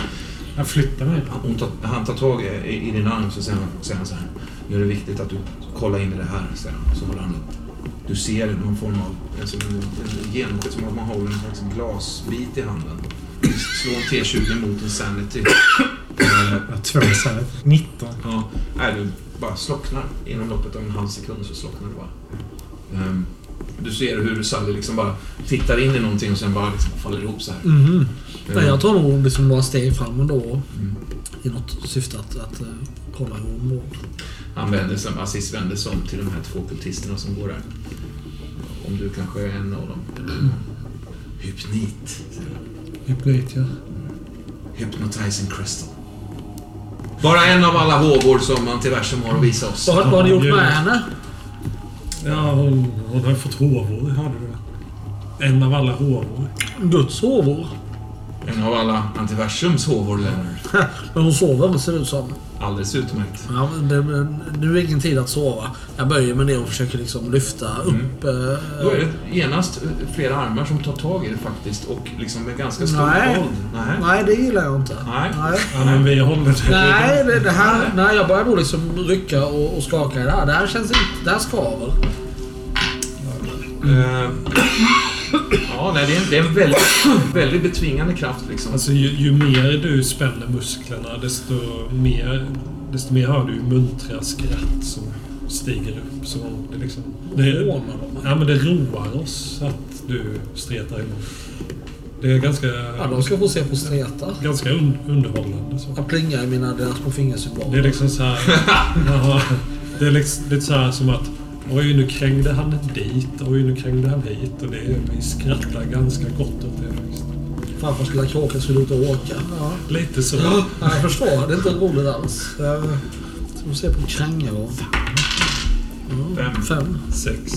Ja, det är, det är ju det är en jämn kamp är det ju. Alltså, men på något sätt, du kanske halkar till som gör att du går ner på knä kanske. Åtminstone. De, de släpar dig lite vidare men du är ju inte så att säga ur spel eller något sånt där. nej, ja, ja, men de har det i ett stadigt grepp. Du, du, du är på väg åt det hållet de vill så att säga. Ja, är det, är det vart, vart är liksom? Är hon Eh, Just nu ser du henne inte. Jo förresten, du kanske ser att två kultister bär henne faktiskt. åt samma håll som jag är på väg? ja. Ja, men då låter jag det liksom passera för stunden. Jag ska Mm. inte slösa alla mina krafter på Ja, ja, visst. Mm. Eh, Vid, vid, till, pling. vid ett tillfälle där så jag skämtar ju med det. Jag låtsas att jag tappar greppet. Men det gör jag ju inte utan... Ja, jag rycker ju då direkt. Ja, liksom. Mm, så- och, och precis, och direkt då Ja. så är det då båda Ja. två liksom Det är fruktansvärt roligt. Alltså vi tjuter ju av skratt. Ja, det, visst är det. Roligt va? Ja, det är det. Mm. Roligt. Sen viker sig plötsligt lädret under dig liksom och du typ slår i knät mot en stentrappa som, som leder neråt i mörkret. Eh, Ja, jag försöker komma på fötter i alla fall så jag kan... ja, vissa ly- lyckas, lyckas komma på fötterna. Ja. Eh, trycks in i den här stenkorridoren och så är, är plötsligt nere i någon form, av und, under, alltså så här, något slags eh, nästan gravkammarliknande plats med sten, sten, fuktiga stenväggar som löper framåt med facklor som hänger på sidan. Det här är ju inte alls samma sak som cirkusen. Nej, det är det inte. Det kallt, det, nästan ja, det, det är ju varmt i cirkus. Varmt och det är ljusbrunt. Ja, visst. och, och så här, Ja, visst. Det här är fuktigt och kallt. Det är nog nästan så att liksom nykterheten har börjat leta sig tillbaks. Ja. ja, nej. Ska vi inte gå tillbaka? nej, nu, nu tycker jag det, det, är lite, lite kallt här nu. Ska vi gå så här? Jag, jag, jag liksom vandrar på dig med pekfingret och långfingret lite på axeln. Så. Ja, jag försöker du- skaka till det liksom. Ja, Så, nej, men, men då, nu- då kilar jag vidare upp i nacken på dig. Nej, jag skakar huvudet. Jag känner att du är på väg in i örat eller något. Jag vet inte. Sluta nu. Eh, Jag tror att jag, jag lägger en, liksom en, ett rep om din hals faktiskt. Ja, det får mig nog tystna. Det är inte cirkusen längre. Nej. Eh, den här korridoren har en del eh, gamla, liksom, eh, nästan som fängelsehålor kan man väl säga, ser ut som. Men med insatta dörrar. Det, det, det, det ser väldigt gammalt ut här, men en del detaljer känns ändå hyfsat, mm, ja, känns nyare liksom på något sätt. Ehm, Och ni stannar framför en av de här eh, dörrarna helt enkelt och stor metalldörr som öppnas liksom. Jag kan inte låta bli att liksom ändå för liksom en, en sekund beundra murverket. Ja, precis. För det är ju någon som har varit rätt så duktig. Så Ja, det, Ja. det är det fan med. Jag vet inte om jag hade klarat av det där mönstret ovanför porten. Så. Nej, precis. Det är väldigt Oerhört intrikat. Ja. Ja. Sen kommer en knuff liksom. Ja. Eh, François tror jag följde med in där. Ja, jag, försöker ju hålla honom fortfarande i handen så inget ska Nej. drabba honom. Men det Nej. känns lite, det kännas lite konstigt också. Ja, ja. Jag vet inte vem det här är. Nej, nej visst. Men ja. Så du, François och några andra till. Några kvinnor och, och några män. Mm. Ehm, också är det nog kanske bara du och François faktiskt. Ehm, och dörren liksom dras igen. Sådär. Ehm, och det blir mörkt. Det är kolsvart här. Sally, Mm. jag tänker att du vaknar eh, på en brits. Jag försöker resa mig upp. Mm. Ta mig mot huvudet. Jävligt ont i huvudet. Mm. Så känna om min eh, hatt är kvar. Eh, nej. Du känner också hur håret hänger ner på ett sätt som det aldrig gör. Liksom. Men då tror jag jag tar ur hårnålarna och sen så gör jag istället liksom en, en knut där bak som jag knyter bara i håret. Liksom. Ja. Visst. Så börjar jag titta omkring. Det är, eh, det är ett, en ga- gammal, sten, ett gammalt stenrum. Är finns, i väggen så finns det som en, en, en konstig öppning, eller så här som en smal springa någonting in till ett annat rum. Du kan titta in där precis vid sängen där. Mm. Du kan titta in där liksom. Eh, Det ser ut som en operationssal där inne faktiskt nästan. Tänt eller släckt? Jag ser ju att det är det, men det är väl inte tänt. Jag vet inte. Kanske Nej, ljus, något, alltså, något slags ljus, eventuellt. Ja. Ja. Eh, jag tänker att det är liksom... Eh, så här, det ligger skålar med silverglänsande slem. Mm. Eh, sådär. Men här är en dörr någonstans Ja, det är det. det, är det. Gå och känna på den. så. Mm. Ja, superlåst. Och det är en liten lucka i den så här. Liksom. Kan den öppnas inifrån? Nej, nej. Jag tror inte. Jag känner efter om jag har kvar min kniv. Eh, slå. Vad ska jag slå? Eh, slå en T, T6. Högt är bra. Vad tycker du? Tråkigt resultat. Ja, det är det. Det, det är kanske orimligt att de inte har tagit min kniv. Det kanske det är. Det är frågan om de i och för sig underskattar mig. Jag, vet, jag slår igen. Alltså, Tre. fan. Sex. Den är, vad sjukt, den, den är kvar alltså. Ja, ja Jag visst. visste inte att jag har sånt. Nej, nej visst, visst. Tack. Ja, jag, alltså det enda jag kan göra är att kika in i det här hålet. Ser jag ingen människa så tänker jag att jag sätter mig på britsen och eh, att låtsas sova till större Alltså jag är beredd att liksom lägga mig ner om dörren skulle öppnas Mm. för att ha min kniv redo. Mm, förstår. Eh, du ligger där eh, ett, tag, liksom, svårt att säga hur länge. Eh, när plötsligt eh, dörren öppnas faktiskt. Lägger mig ner. Håller kniven redo. Det gnisslar till. Eh, dörren går upp. Liten, liten springa med ena ögat. Du ser den här... Har du sett honom, den här väldiga mannen med hånflinet? Det har du kanske inte? tror att jag såg honom på baksidan hos borgmästaren. Nej, det gjorde jag kanske Du var inte. inte där? Nej, du det. Ja, det var det ju förstås. Just det. Just det. Ja, jag undrar det. Var det inte Hall som mest... Det var hon som slogs mot honom. Ja, Jag inte du kan ha sett honom så. Ja. Tre. Nej, jag har inte sett honom. Möjligt att efter den stora skottlossningen hos borgmästaren så åkte vi bil tillsammans. Och då tror jag att Hall pratade om honom. Mm. Så är det ja, Så att jag tror att jag kopplar ihop det ja, faktiskt. det jag. Eh, blev ganska rädd. Eh, Minns liksom hans beskrivning av hur kraftfull han var och hur du sköt honom. Och det liksom gjorde ingenting. Nej. Han eh, kliver in i cellen faktiskt tillsammans med en annan person. Du ser inte riktigt vem. Det är inte Elisabeth. Nej, en det är konstig- Det är inte. Det är en det är en vuxen människa liksom. Eh, stäng, stänger dörren. Står, står mot... mot Stänger den som klickar igen den eller bara skjuter till den? Högt så stänger de inte den. Tre. Ja, men jag är beredd att göra ett flyktförsök. Jag, jag tänker att jag ska försöka hugga den här stora mannen i halsen och Ja. sen springa förbi den andra ut. Okej. Mm. Eh, ja, men du, du ligger där stilla liksom och väntar, inväntar ett Jag inväntar till han börjar närma sig. Och då ho- hoppar jag upp och, och liksom försöker Ja. slå iväg ett, ett hugg liksom mot halsen och så Ja. springer jag. Eh, ehm, det är den andra personen som, som går fram faktiskt. Eh, han står liksom stadigt kvar där. Men när du vänder om och ska liksom göra ett utfall, då ser du att det står, att det står en, en, en kvinna med, med ett spädbarn i famnen framför dig så här. Ja, men då hugger jag fan inte alltså. Nej, då, du, du stoppar till liksom. Men jag har, har min kniv redan Ja. liksom. Smack säger det så får du liksom en hand kring din, din arm och försöker dra loss kniven. Ja, ja. Alltså den här stora gubben. Nej. Hon. Oh, shit. Jag försöker dra till mig armen såklart. Tre. Ja, ett slog jag. Eh, ja, du, hon, hon, får, hon lyckas inte fånga din hand liksom. Hon står där med, med spädbarnet liksom. Med andra handen så puttar jag henne i ansiktet. Liksom. Inte superhårt, men bara Nej. så att hon ska backa. Slå. För. Sex. Nej, ett, ett, ett stryptag kring din hals liksom forcerar ner dig i sängen faktiskt. Eh, Grymt starkt. Liksom. jättestarkt. Jag kan inte hugga henne. Fast det vill jag nog inte i och för sig. Spännande. Nej. Okej, okej, okej! Släpp! Släpp! Släpp! Liksom körde greppet. Släpper kniven så att den dunsar mot marken. Mm, jag tror den här store karln liksom lunkar fram där och släpp, tar tag i, i kniven liksom. Och så här. Greppet släpper något, gör det. Hon liksom vrider på dig så att du ligger med ansiktet mot väggen så här. Och så kryper hon in till och lägger sig bakom dig. Och Jag försöker andaga henne i ansiktet. Bort därifrån! Ett. Nej, alltså, du försöker göra så här, men då, då, då liksom blir greppet mycket ta- tajtare igen så här om halsen kan, kan vi säga då. Så att du liksom, Har hon liksom spädbarnet mellan mig och henne? ja ja, visst, det är så här liksom.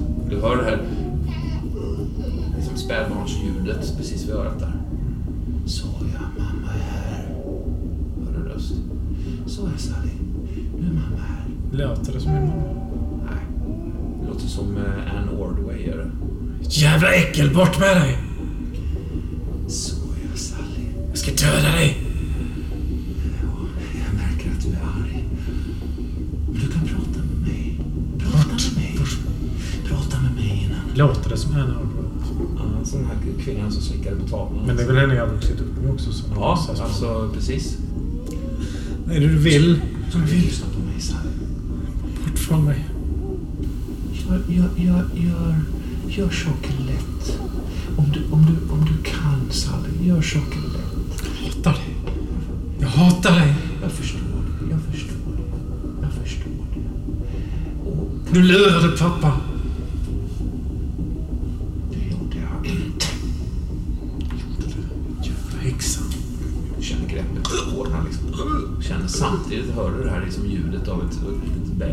Bebis som ligger där. Liksom. Men också, du känner faktiskt en konstig, en dålig andedräkt som kommer från bebisens, bebisen faktiskt. Det är inget bra. Nej, det är- väldigt märkligt. Jag har ju aldrig upplevt det. Kan jag vrida huvudet så jag kan snegla mot bebisen? Mm. Jag ska se om det är den här jävla humla, ja- gamla Jan. Ja. eh, eh, Två. Två, du, du vänder om och tittar. Du ser att det är ett, ett, ett spädbarn där. Eh, den ser förvisso lite så här, alltså lite bortkopplad, lite trött ut. Det är nästan så att den himlar lite med ögonen så här barnet. Men det är ju en, det är en bebis alltså. Det Vad har du gjort med barnet? jag har skaffat mig ett. Men det spelar ingen roll Sally. Jag vill bara att du ska följa med. Förstår du inte det? Det är jag som ska resa. Jag är Elisabeth. Du ska fan inte med. Jag vet vad min pappa ville.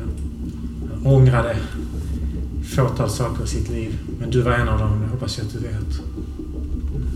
Du känner greppet släpp, släpper. Hon reser sig upp. Lösgör sig liksom från det.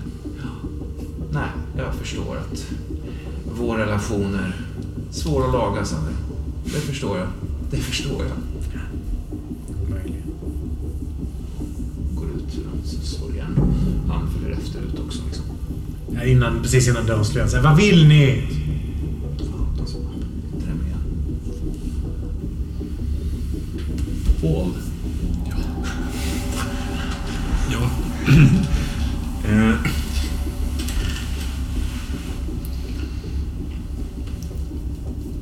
Minns du där du tog avsked från dina föräldrar innan vi flyttade till Boston? Där? Eh, ja, det minns jag. Hur är det? Tog du avsked från dem med vissheten om att du aldrig kommer se dem igen? Eller visste Nej, du då? Eller? jag, jag tänkte att jag, en dag så kommer jag komma tillbaka till dem och då kommer de se att Mm, jag har minsann blivit vuxen och jag Mm, klarade minsann att. Inte bara överleva som polis utan jag Nej. blev till och med en bra polis. Det var någon av dem som inte trodde det knappt, eller? Nej, de sa hej då i, med någon slags artig ytlighet. Mm, De har inte haft det förtroendet för mig att jag skulle just det. klara... De, de har tänkt att jag, jag är för klen helt enkelt. Ja. Eh, Berätta, beskriv lite senare. Jag tänkte om ni två, eh, Andreas och Andreas, om ni vill spela mor och far eller sånt där i en superkort liten, eh, liten dröm. Som, Vilken roll vill du ha Andreas? Det kan vara modern. Nu är jag fadern. Vart är Andreas. var är det någonstans? Vart är den? Um, det är ju... Vi står ju på gatan utanför vårt hus då där jag har vuxit upp och jag väntar på en bil som ska komma och hämta mig och köra mig till tågstationen. Vilken stad är vi? Nästan. Namnet på någon småstad. Kanske upp i Vermont, alltså någon sån här Ja. liten... Ja, Weatherwill. Ja, Weatherville. We- Weatherville, Ja. Vermont. ja visst. Så, eh, ja, vi står där. Jag står där med två resväskor. Eh, Som jag köpt själv för den här resan. Då. Hur ser far, far ut där? Far är, är, sträng. Ja. Uh, bekymmersrynka mellan ögonbrynen. Eller ja, en, en barsk rynka kanske mer. Och ogillande. Mm. Eh, Men han är en, en, en, en, en magerlagd man. Ja. Eh, han är ju ändå lite asketisk, eh, lite sådär uh, blek och magerlagd. Han är, han är ju präst ändå. Mm. Just det. Han har en lång svart kappa av något slag. Ja. Vars krunka. Hur, hur ser min mamma ut? Mestadels inslagen en stor sjal mot vinden. Tittar inte på av någon anledning utan tittar bort mot vägen och har redan tre gånger sagt att den här bilen skulle varit här nu. Det kan bli problem med anslutningarna Leslie. Om vi ska fortsätta så här. Ja. Nej, men låt den här jag, bilen komma snart ändå. Det kanske är lika bra att vi går in igen. nej, jag ska åka. Jag ska till Boston och jag, lov, jag skriver till er så fort jag har kommit på plats. Jag, jag, så fort jag kommer på plats s- jag sätter mig ner och skriver ett brev till er och meddelar att jag har kommit in i min bostad och packat upp. Och sådär. Och sen, jag lovar, jag skriver till er varje vecka. Efter varje arbetsvecka så kan Du, jag du, skicka du, ett du är brev inte stark nog för det här. Ja, men Det, det är lika bra att du stannar här hos oss. Du vet du. Du var alltid sjukligt barn. Det, vi, vi har varit igenom det här så många gånger nu. Och jag tänker inte- ingenting för dig, min son. Tänker du att jag ska gå in i huset igen Mm, och packa upp de här två väskorna? Ja, det, är inte för sent. Det är ett alternativ Leslie. Det är ett alternativ. Det är inte för Stirrar sent. bort mot gatan. Det är inte för sent. Våra portar står alltid öppna för dig så länge du är kvar. Ja, det måste, Ja, det är- du, måste du veta Leslie. Det är fint av er, men jag har gjort mitt val. Jag vet att jag vill och ska bli polis och jag ska bli det i Boston. Det, så är det. Och ni... Varför, varför kan ni inte stötta mig i, i det här? Eller, Det är svårt att ni inte- stötta en son när man vet att det inte kommer att fungera. Ja, men när du säger så... Ja, jag vet inte... Ja, ja. Eh, Guds försyn Leslie också att acceptera sitt öde även om lotten kanske faller på magrare jord än vad man har ambition till. Ambition är inte alltid bra Leslie. Du har ju... Du har sagt så ju, många gånger. du har ju en, en, en... Ja, du har ju grannflickan Sarah här. Jag menar, varför... ja, Det finns en framtid här. Men George, han är ju militär. Men han Ja, är, det var ni så stolta över. Eh, och vi är stolta över dig också. Ehm, det det, det måste du veta. Varför, varför fick han bli militär då? Varför var ni så... Men, men George har ju en, en kraftfullhet. Du har ju en, du har ju en, en försynthet och en, en, en, en annan ådra än vad han hade. Ja. Du är, du är nitisk med känsla för detaljer Leslie. Det har Mm. alltid varit. Stor talang. Du kunde läsa när du redan var sex. snart. Ändå. Det är lika bra du går in igen. En annan Det är ju bil så. som passerar. Ja, men där kom- Nej. Nej, det var... Gå fram och lägga en hand på, på din axel så. Kom in så. Nu går vi tillbaka. Jag, jag, Och vänder, sätter på en kopp kaffe. jag, jag vänder mig bort och torkar ur ögonen lite och säger Åh, åh vad det blåser. Ja. Jag får vinden i ögonen. Jag lyfter min hand från din axel. Ja, men då eh, i samma ögonblick som du gör det, eh, lyfter handen där, så, så kommer faktiskt eh, taxin eh, åkandes. Det är en taxi kanske? Ja, nästan, ja. Eh, kommer den åkandes. Eh, liksom. eh, du svänger runt det här gathörnet som, som, du, som mor har tittat mot så många gånger. Plötsligt Liksom vrida sina händer sådär. Mm. Jaha, där. Då, då kom bilen ändå. Leslie, där kom den. Ja, det- Adjö då far. Jag, Du har verkligen bestämt dig. Ja, det har jag. Någonting Hall, eh, när, när far säger så här, alltså du har verkligen bestämt dig så här, då inser du nästan för första gången att det här är liksom ett beslut du gör som, som kommer påverka ganska mycket i ditt liv. Alltså. Ja, det suger ju till i magen på mig. Mm. Jag har varit så irriterad på deras Mm. Alltså frånvaron av stöd på deras sida. Så mycket av detta har varit lite grann på trots Mm. faktiskt. Ja, ja, Så ja. jag har nog inte innerst inne har jag kanske inte hunnit tänka igenom detta så mycket som jag ger sken av. Men jag, jag sätter ner båda resväskorna för att krama dig. Men Jag sträcker fram handen. Och precis ehm, när, ni ska, när ni tar, ni, du tar tag i handen så här, så bara slinker greppet ur. Far fly, faller upp i himlen så här. Du ser mor också faller upp. Den här taxibilen bara åker upp så här. Du håller på att åka upp så här liksom. Du är, du är väl ganska nära någonting. Tänker kanske någon stolpe eller någonting. Du ser saker bara, som ungefär som gravitationskraften har slutat funka bara. På, på ren reflex där så greppar jag efter mammas sjal då som är liksom fladdrar... Ja, ja, visst. Få tag i den, liksom. Men sen... Kanske. Jag, ja, men jag, jag förstår inte alls vad som...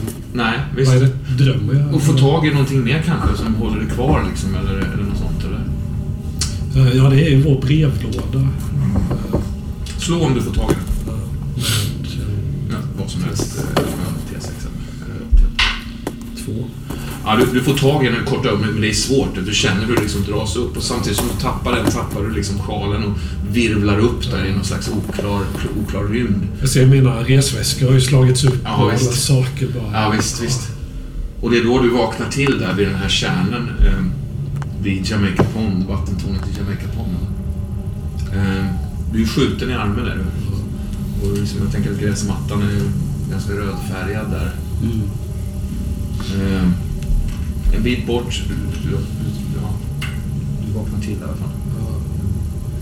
Eh, jag, jag tror jag, när jag vaknar så inser jag att jag måste liksom ha rullat ett halvt varv och fått ner ena armen i vattnet. Mm. Så den Mm. liksom är under ytan där. Mm. Mm. Håller du i någonting? Jag, jag vet inte. Jag har, faktiskt, jag har faktiskt ingen känsel i, i handen. Det känns bara eh, nedkylt Mm. på något sätt. Mm. Visst. Men plötsligt finner jag mig och rycker upp handen. Har, har nog med någon nekros-skälk där. Lite alger. Ja, visst. Ehm, Du ser att det ligger någon faktiskt framför tornet. En man. Eh, Niles, som han Ja. hette.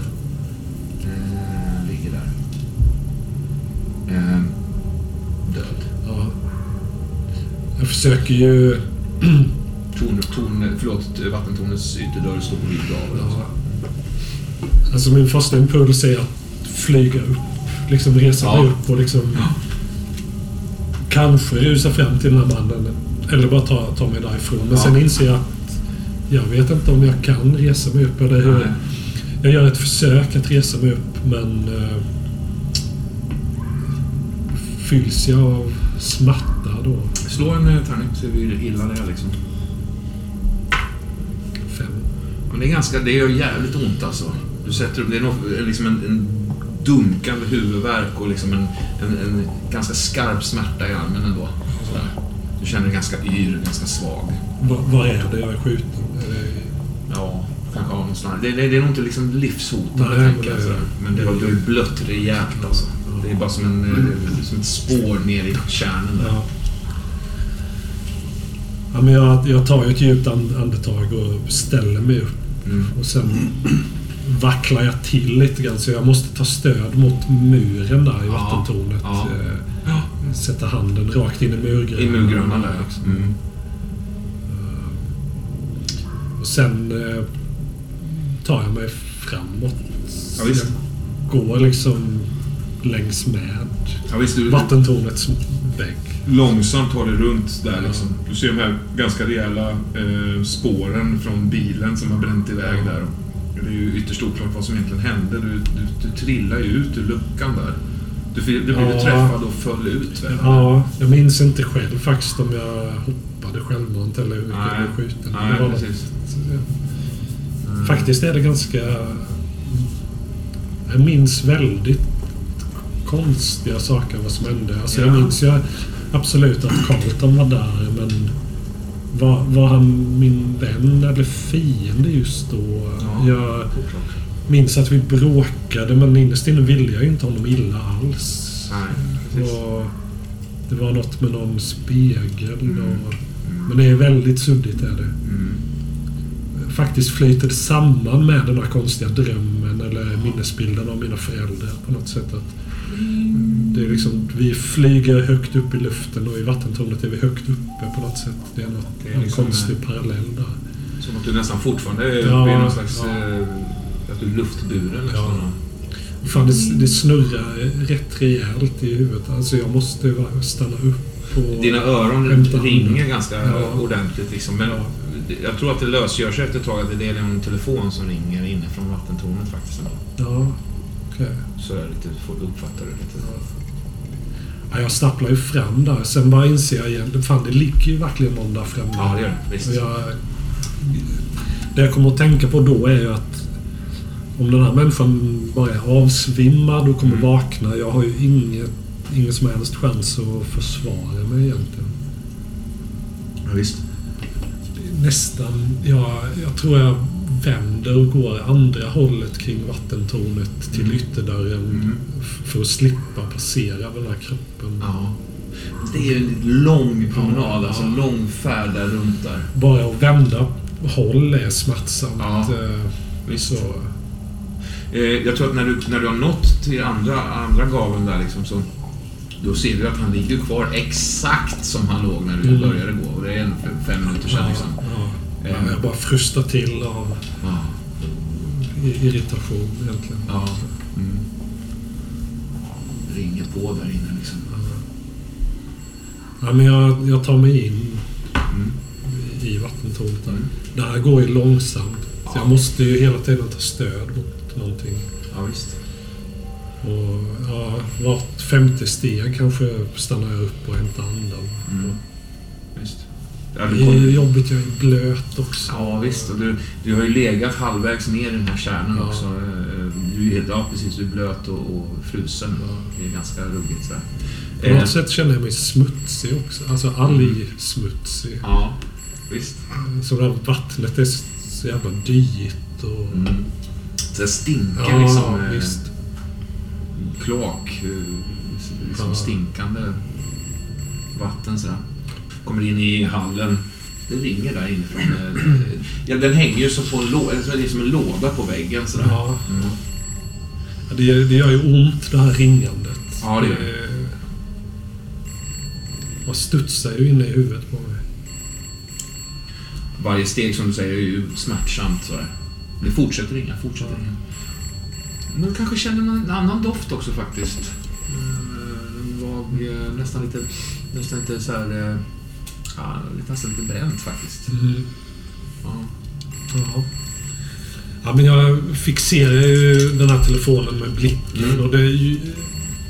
Jag närmar mig långsamt och den blir ju st- större och större trots allt för varje steg jag tar. Och den liksom... Ju närmare jag kommer den, desto mer ser den ju ut att vibrera och nästan Ja, skaka. visst. Ilsket. Som om man är på väg att ramla, släppa från sina fästen i väggen. Så. Ja. Till slut jag ju handen på eh, luren då, kan man kalla det. Ja. Lur på den tiden. Jo, det tror jag. Eh, plötsligt bara står jag med luren mot örat och, och munnen. Mm. Den är tung den här Ja, luren. Liksom. Du står och lyssnar. Du hör en, and, en andhämtning faktiskt där. Ja. Det är ganska lik min... Jag är själv andfådd. Hallå? Hallå? Ja. Hallå? Jag söker Sally. Vi måste vara redo. När mörkret är redo. När, när det är redo att släppa ut oss. Stora fallet, stora fallet, långa klättringen. Dö idag eller leva för evigt. Det är... Det är, vad eh, heter det? Klockans fråga. Kugg. Kuggfrågan. Vad är det som går och går men aldrig kommer till dörren? Klockan tickar, klockan går. När du inte förstår. Förstår. Klockan tickar, klockan går. När du inte förstår. Förstår du inte? Säg henne att... Säg henne att... Hon måste ut. Hallå? Ja, ja, jag är här. Sally måste ut! Hon måste in. Klick. En ambulans. Du, du ber om en ambulans där liksom. Eh, antingen så kopplas du till någon form av eh, räddningstjänst där. Jag vet inte riktigt hur det går till. Men ja, eh, hon, ser till att de skickar en ambulans liksom. Då, då svajar det till ganska mycket, mycket för dig. Du, liksom håller på nästan att svimma där känns det som. Mm. Tappar luren kanske rent av den dunsar i där liksom. Ja, visst. Ehm, ja, jag, jag tror jag rasar ihop där faktiskt. Benen uh, viker sig. Mm. Faller ner eh, på knä liksom. När du hör ett, ett konstigt knäppande ljud inifrån, eh, eh, inifrån liksom själva, själva eh, rummet om man säger så. Jag tänker att telefonen hänger i någon Ja. slags... Nästan som en liten telefonskrubb eller någonting Mm, där mm. Ja. ja, men jag... jag sitter nog där ett ögonblick liksom lutad mot väggen och Mm. bara tänker att det där knäppandet är ju något Mm. eh, gamla byggnader låter. Liksom. Ja. Men det slutar ju inte Nej. flytta mig lite närmare. Alltså jag hasar mig dit med Mm. händerna. Mm. Ja, jag börjar kräla. Mm. Du tittar in, eh, du liksom börjar kräla fram där. Du ser köksregionen eh, liksom bolmar rök Ja. därifrån. Liksom. Jaha. Lågor som står och flackar bara. Står och smeker de här träskåpen. Det, det brinner alltså, känner jag Ja. brandlukt. Ja. Ja. Ja, jag försöker ju vända mig om. Mm. Jag, liksom, jag känner benen lyder ju inte längre. Nej, visst. Så jag liksom, jag ha- hasar ju mig fram. Jag ålar ju mig fram på armbågen. Mm. Det är rätt jobbigt att vända. Det känns ju som det tar en ev evighet. Mm. Den här röken börjar ju liksom... Ja, visst. det- det är snabbare än vad jag är. Ja, visst. Men till slut har jag vänt mig så jag ser ju ytterdörren igen. Som är Mm. öppen. Mm. Jag ålar ju ditåt. Så, så. så eh, vi står väl någon form av om du svimmar. eller något sånt där, kanske. Jag hoppas ju också att det inte kommer någon. Den, Vadå? den här kroppen som jag såg ligga där ute. Ja, just det. På något sätt bara får jag för mig att det jag allra minst vill är att se den i, i Ja. dörröppningen. Två. Fyra. Ja, du, du når ju liksom till tröskeln mer eller mindre och känner den här friska luften som väller in sådär. Mm. Eh, Eh, branden jagar mig nog. Mm. Jag vet inte om det till slut börjar brännas lite i fötterna. Ja, men det gör det nog kanske. Då kanske du får faktiskt en... en, en, en alltså när det börjar göra riktigt ont, Ja. skosulorna börjar liksom smälta där. Ja. Ehm, då kvicknar du nog till faktiskt. Ja. Och, och gör en, kanske en ansats till och tar dig ut där. Ja. Jo, jag får ju ett eh, adrenalinpåslag. Du, du gör liksom en, en kraftansträngning, men vi vet inte kanske Nej. hur det går där.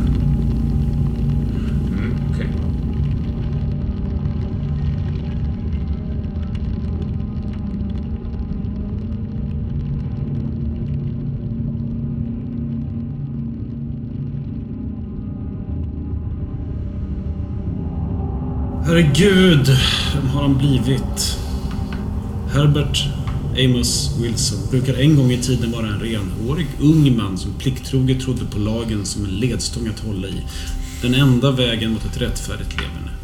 Ju högre upp i pyramiden han kommit, desto längre bort från den ambitionen har han hamnat. Desto mer insyltad, vilken håll han än vänt kappan.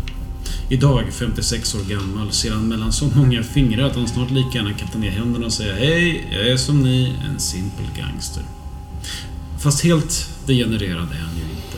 Han har åtminstone aldrig satt sin fot i de där andra korridorerna, logerna, aldrig förnedrat sig på Dam Z och aldrig besökt cirkusen. Aldrig tagit en direkt muta. Visst. Några indirekta mutor har det väl blivit. Det får han ju erkänna. Eh, det är svårt att veta var gränsen går ibland och nog har han accepterat hjälp eller bistånd som inte kommer från personer som skulle ha ställt upp i normala fall om man säger så. Men han vet redan tillräckligt av vad som sker på Madame Z för att aldrig vilja sätta sin fot där. Mycket tack vare den information hon fått från en av bordellens glädjeflickor, en Miss Judy Baldwin. När Etta Hicks upphittades, som också arbetade på Madame Z, var Judy en av dem som hörde av sig med information. Hon har också berättat om cirkusen, vad hon sett under en ceremoni där. Ah, man kanske inte behöver tro på allt flickan säger. När eh, mordet på Miss Hicks nådde tidningarna var borgmästaren snabb med att donera pengar till utredningen.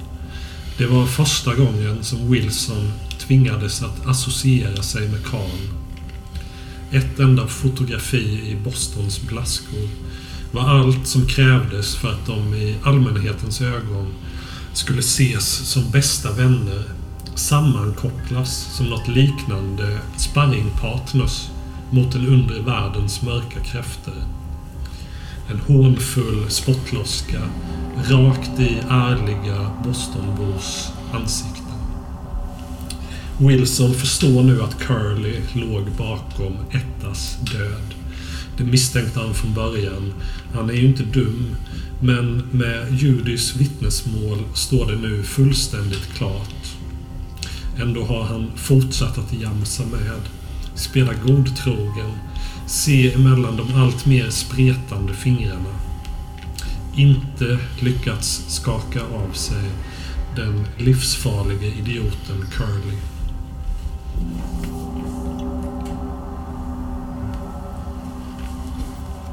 Att Carlton, Bostons suraste och besvärligaste polis, accepterade budet som borgmästaren gav var egentligen bara en välsignelse. Så slapp han oroa sig över honom i alla fall. Carlton hade alldeles uppenbart trillat av vagnen igen. Inte en chans att Wilson skulle ta honom under sina vingar en gång till.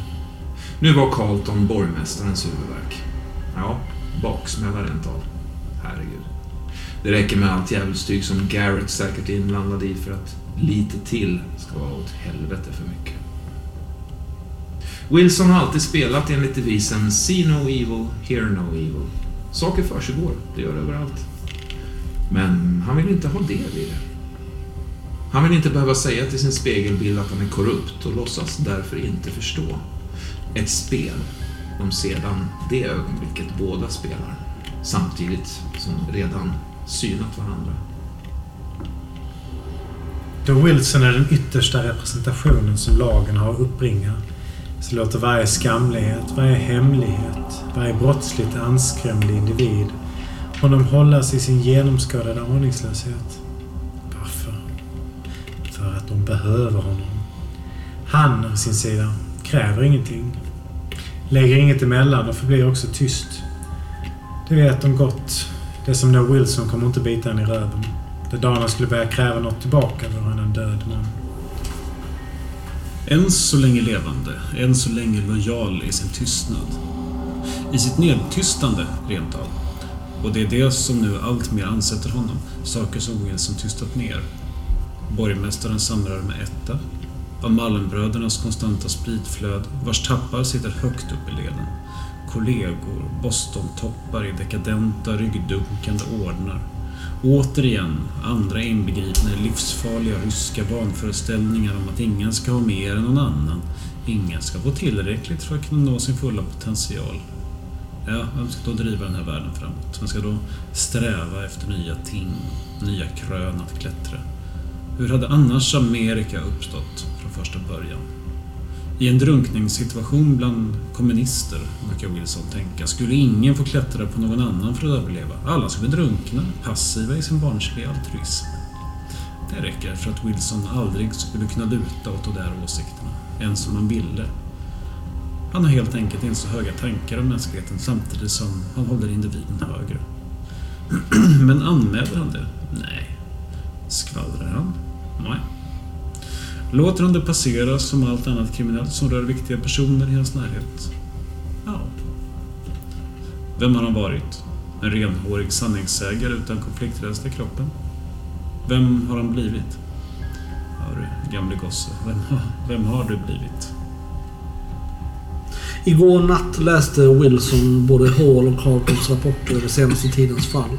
Ett tunt material med en radda förvirrande skeenden. Någon enorm kar överlever ett omöjligt fall från ett fabrikstak. En lägenhet belamrad med insekter och en död kropp vars armar är bakåtbrutna. Attentatet i Malone-villan som beskrivs som mardrömslikt innehåller återigen den väldige mannen med leendet. Enorma mängder skott, flera döda. Trots detta, inget blod, enligt teknikerna som nödgades ta sig dit. Och vad gäller rapporterna så nådde de självklart aldrig längre än till Wilsons skrivbord. Herregud, alldeles för känsligt. Nu är både Carlton och Hall försvunna av olika anledningar. Var Hall befinner sig vet inte Wilson. Khan har varit som uppslukad i två dagar. Var Carlton är däremot, det vet Wilson blott allt för väl. Han är i cirkusen tillsammans med borgmästaren. Det har Andrew Cottage rapporterat. Cottage, den nya rekryten som först verkade hopplös men som nu har stigit till att bli en av polislagets bästa. En ypperlig skytt också, som det verkar på pappret. Han har dessutom kopplat såväl höjdare inom sjukhusledningen, en politiker med anställning inom Boston Vatten och Avlopp, James Kingley, och nu senast borgmästaren själv till cirkusen. Informationen från glädjeflickan Judy är också Cottages förtjänst. Därtill återfanns en advokat Brenner mördad igår med armarna brutna bakåt på exakt samma sätt som hos mannen som upphittades i Douglas O'Connors lägenhet. Allt enligt en rapport skriven av Carlton. Ett försenat telegram till lägenheten avslöjade att den döde mannen var en viss E. Damcooler. Liket hade en lapp i sin sko med märkliga direktioner. Vad fan är det som pågår? Wilson drar handen över ansiktet av trötthet. Och nu då? Över hundra förvirrade rädda, före detta inlagda patienter som översvämmat sjukhus och Bostons polisstation vittnar om fasansfulla saker i cirkusen. Och på detta getinginvasionen som kom och gick. Och cirkusen har ingenting att göra med detta. Jo tack. Sex personer har redan lämnat skakande vittnesmål om både exotiska vargar, lösa ormar och insekter som tillåts flyga fritt. Och i natt, ett pack vargar som nedgjort samtliga ur sjukhuslägrets personal. Däribland driftiga Mrs Hall som Wilson träffat en gång på invigningen av Boston Medical Centers senaste tillbyggnad. Han gillade henne. Nu död. Och så läser han i morgontidningen att samme James Kinley verkar ersätta borgmästaren under dennes sjukdom. Sjuk? Karn åkte ju för fan i full vigör till cirkusen med suputen Carlton för bara några timmar sedan. Nej, det får vara nog. Det får vara slutjamsat. Wilson skiter i vilken cylinderhatt han plattar till. Vilken högt uppsatt person som vill hålla cirkusen hemlig. När de lägger ut arresteringsorden i tidningen imorgon kommer fler garanterat att höra av sig. Då kommer bollen vara i rullning och situationen är oåterkallelig. Han skickade iväg Garrett för att rekognosera. Återkomma med information om vad som pågår i cirkusen. Det var klockan 20 i natt. Nu är klockan 00.30. Han har fortfarande inte återvänt. Wilson är inte förvånad. Skickar egentligen iväg honom mer för att kunna plan- planera tillslagets detaljer. Utan allt för stora öron i kulisserna. Utan att ge Garrett möjligheten att förvarna och därmed sabotera tillslaget. Under största hemlighetsmakeri har Wilson med hjälp av Cottage samlat ett polislag om 70 lojala konstaplar beväpnade med hundar, handeldvapen och sablar som nu står beredd att en gång för alla sätta stopp för eländet. Redo att storma cirkusen. Wilson är själv en av konstaplarna. Det är ont om pålitligt folk och han behöver stå i fronten vid detta slag om alltings anständighet. Ja, kanske, kanske det kan rentvå hans själ. Tvätta bort det blod som han själv hjälpt till att tvätta bort och därmed fått på händerna. Fire with fire. Han känner sig... Ja, hur känner han sig?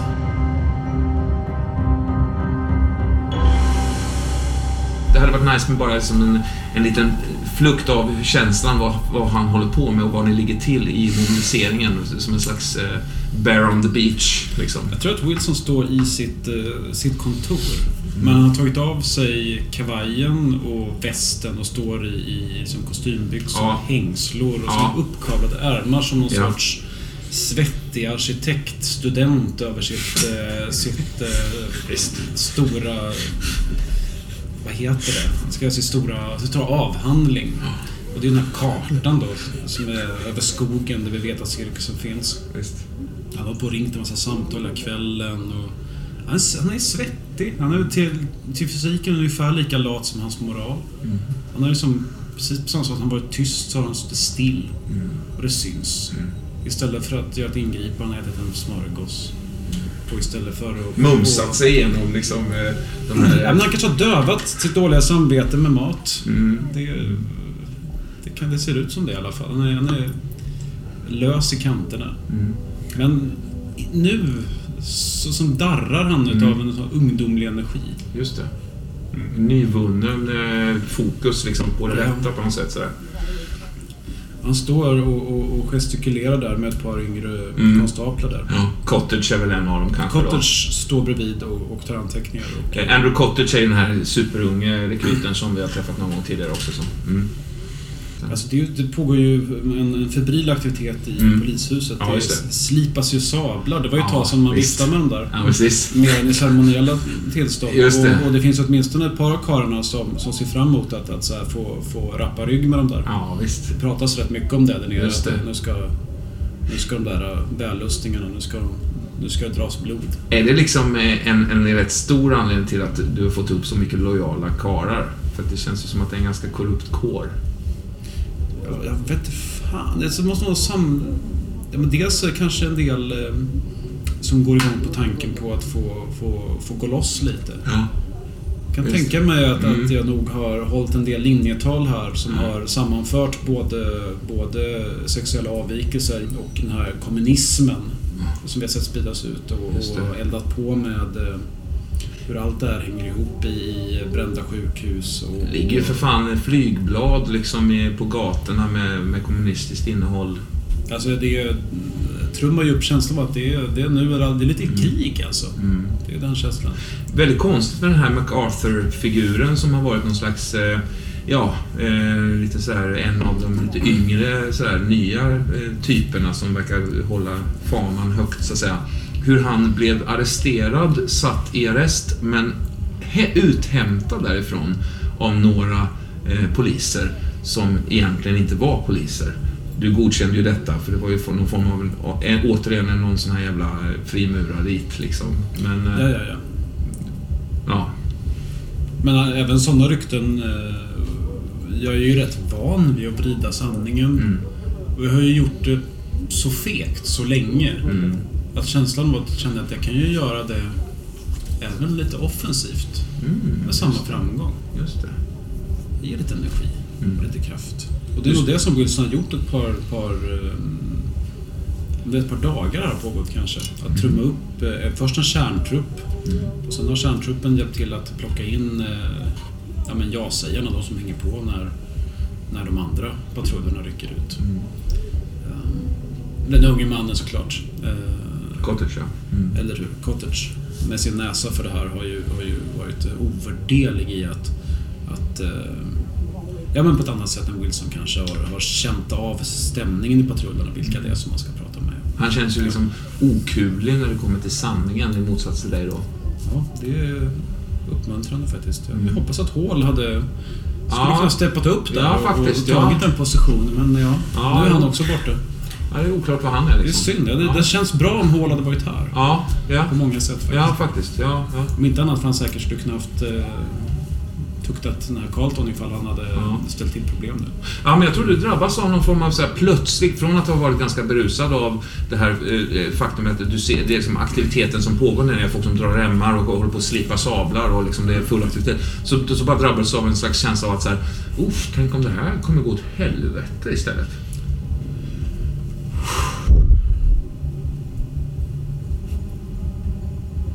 Aktiviteten fortsätter med Wilson så blickstill Mm. loppet av en minut Mm. och, och fokuserar kartan. Och tittar man noga så Mm. darrar de på knogarna och, och svetten från fingrarna lämnar ju mörka fläckar i pappret på kartan. Han, han, han, han skakar sig ur det. Den här tidpunkten som tidigare har känts ganska häftig och spännande, den är ju, och snart, snart är antågande, känns nu plötsligt ganska nervös tror jag, när, när ni ska ge er av. Och det är om tio minuter liksom. Det um, jag tror att eh, Wilson stärker sig med att eh, istället för att plocka på sig den civila kostymen så har han på sig eh, ämbetsmannadress istället. Mm. Tjock ylle Mm. Mm. Snörkängor med, med spännen. Mm.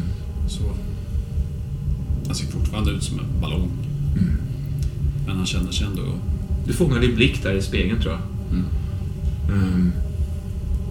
Är du rädd eller? Ja. Mm. Någonstans, ja absolut. Mm. Titta där.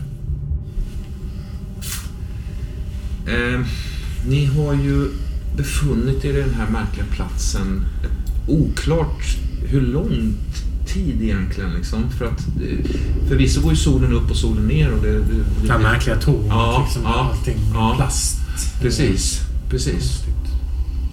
Alltså, ni har, ju, ni, har ju, ni har kollat in tornet, ni har ju liksom fått de här upplevelserna av att, eh, att saker och ting är stumma på något sätt. Liksom. Um, att det inte går att röra saker överhuvudtaget. Men här och var, uh, där, man, där det finns reflektion, där det finns speglar och sånt där.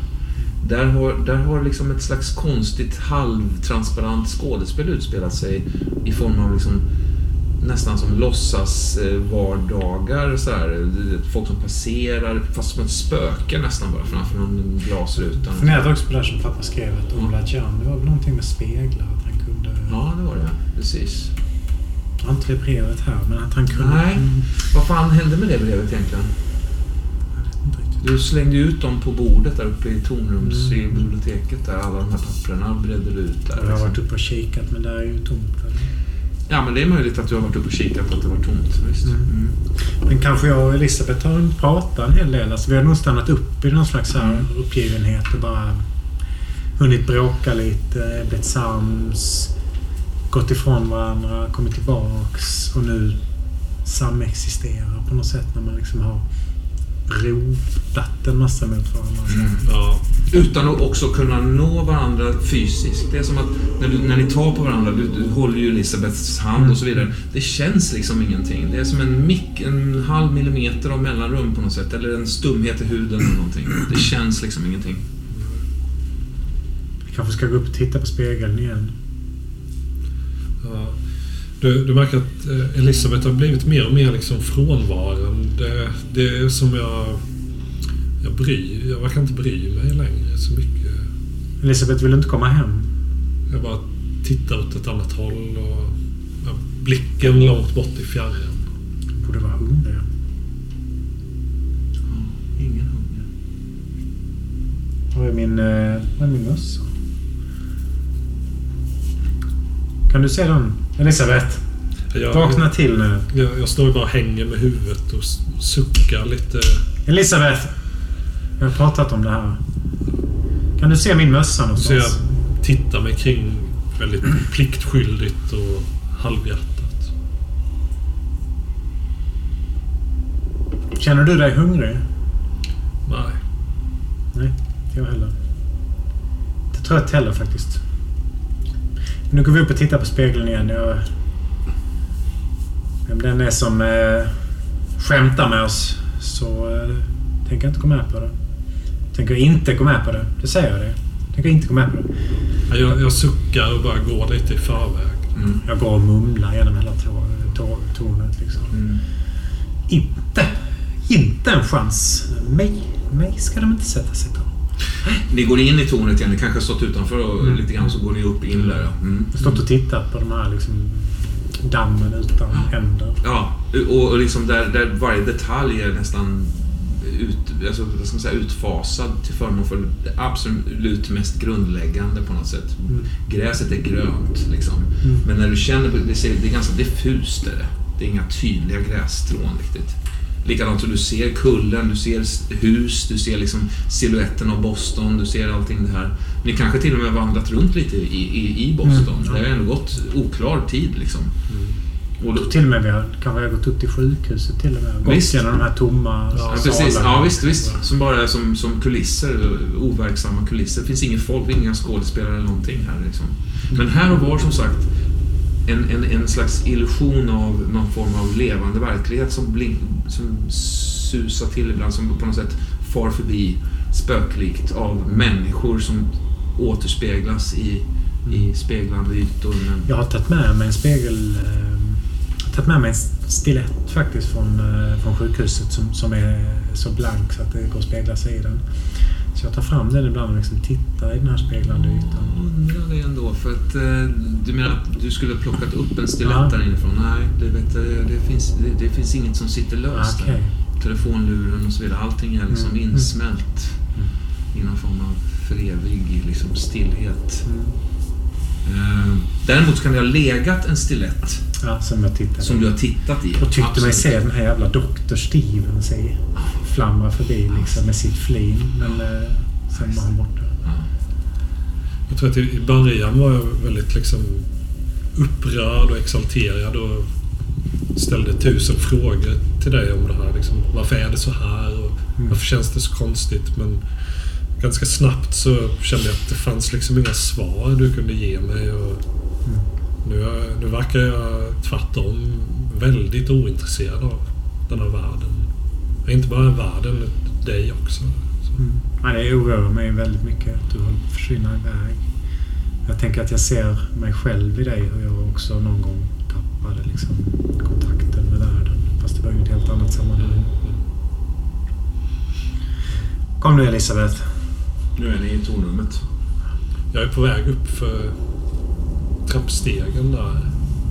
Du ser, jag slår ju i smalbenet i ett trappsteg när jag klättrar. Det ser ut att göra ont. Alltså det är nästan så att det borde kännas i det. Jag ger en sympati när jag slår i det. Men jag reagerar faktiskt inte. Jag bara... Då stannar jag till och vänder mig om. Kom, vidare. kom hit Elisabeth. Ja, jag, vänder, jag vänder mig om lite håglöst. Har du kjol eller byxor? Ehm, Både och. ja, det är både och faktiskt. Och då, då är det nog byxbenet som jag liksom kavlar upp och så lyfter jag upp kjolen för att titta på smalbenet och se om det... Hmm, intressant. Går detta? Undrar jag.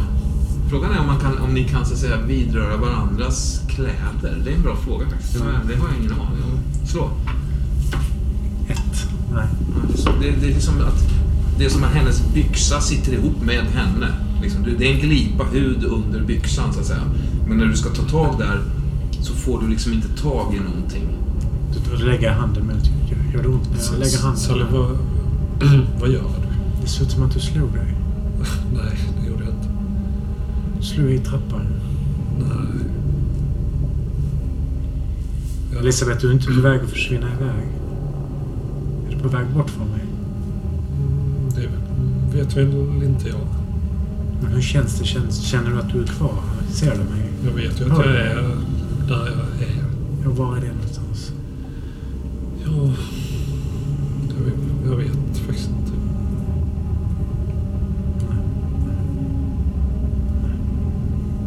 Ett lite märkligt rött sken. Du lägger märke till ett rött sken, Sally. Försöker uppfatta vad det kommer. Ehm, från köksregionen liksom. Det är som att... ehm, ja, men det är som ett diffust rött sken kring, kring liksom spishällen. Jag går fram till den här spegeln. Som vi var på väg med. Högst upp, eller? Ja, det var där vi var. Ja, okej, okej. Jag tänker att ni precis kommer in i... Ja, ja, ja. Jag- Och tonrummet. Jag tror Ja. inte att det var där ute. Nej, förlåt. Ja, jag tänker att ni kommer in i tornet, så att säga. Mm. Eh, Du, du, men du, ja, så att i... i ja. Ja, men jag går bort till köket och Mm. ser sist. Vad är det som lyser? Det är märkligt, du ser ju, du ser ju de här grundläggande konturerna av, av liksom möblemanget. Eh, och du ser ju spishällen och den är liksom den är röd, något slags diffust eh, rött. Det är ju ingen värme eller sådär, men, men det är liksom en röd en rödhet. Kan jag stänga av den? Du försöker ta tag i knappen där. Eh, Nej, det, det, går, det går inte att rubba liksom allt annat här. Liksom. Eh, Du tar, tag i den, den är faktiskt helt röd. Ja. För några timmar sedan hade jag sparkat och slagit Mm. den men nu bara så. Nej, nej. Du Klättra upp till, till torn. Alltså Ja. högst upp där istället. Däremot när ni passerar biblioteket på väg upp mot, tornen, eh, mot den högsta våningen där, så ser du konstigt nog att på det här bordet och i de här stolarna och på golvet framförallt så, ligger, så har det börjat framträda eh, eh, vad ska man säga, halvversioner av, av papper och böcker och annat. Eh, lite otydligt som tycks ligga där. Du minns ju att du, du, du slängde ju, det var ju jävligt kaosigt där och, och i sista vändan där. Och du minns nog att du liksom la ut de här böckerna som du hade hittat i, rum, i, i luckan så att säga. Ehm, Ja, jag, jag tänker att jag ska återvända ner dit men jag går Mm. först upp till spegeln Absolut. för att se så att det inte har hänt något nytt med Nej, visst, fortfarande liksom känns stängd. eh, du då Elisabeth? Ja, men jag, jag är hela tiden bakom dig, men... Eh, så jag, jag går ju med dig, men... Eh, med jämna mellanrum så inser du att du går... Du rör dig alltid lite för snabbt framåt. Jag halkar hela tiden efter. Och det är liksom inget som hindrar mig från att gå snabbare egentligen. Det är bara som att jag verkar bli mer och mer seg i mina rörelser. Nästan slow motion-aktig så. När Jag är liksom... Ja, men en konstig slags långsamhet i mitt sätt att föra. Också när du frågar mig saker så är det en viss fördröjning innan jag svarar. Även på vanligt tilltal. Bara. Jag är blandat irriterad och orolig. Men jag, nu är jag liksom istället på att försöka hitta en lösning. Så jag, jag går upp till den här spegeln Mm. och liksom känner på den, åt den. Det är inte meningen att, att stoppa det gång på gång, men eh, i, i den här sista trä, liksom, trästegen upp, eh, framför den så har det också börjat framträda siluetten av en person. En man som ligger hopsäckad och vars liksom, ansikte är typ så här bortsprängt med järnsubstans bakom. Fast det är så tunt, det är som en eh, halv... Eh, vad heter det man fotograferar så här lite halv... Dubbelexponerat eller någonting liksom. Ehm, det, det Känner liksom- jag igen? Nej, jag tror inte det va? Du vet väl inte vem Slim Jim var? Nej. Nej, alltså det, är en, en, det ser ut som en klassisk gangstertyp som ligger där liksom. Men han är ju så genomskinlig så att det är oklart. Kliver nog ändå över liksom. honom. Ja, visst. Du märker att din fot går igenom hans ansikte också. Nej, det testar jag inte. Nej. Jag klättrar upp för trappan. Ja. Och du efter eller? Ja, För du ser ju den här mannen som ligger där. ja. Gubben som är den här sovande gubben. Mm. Ja, men jag gör nog ett litet avsteg där från att bara följa Sally. Så jag lite... Ja, men fortfarande med en stark håglöshet så går jag nog ändå dit. Och Mm. Lite förstrött.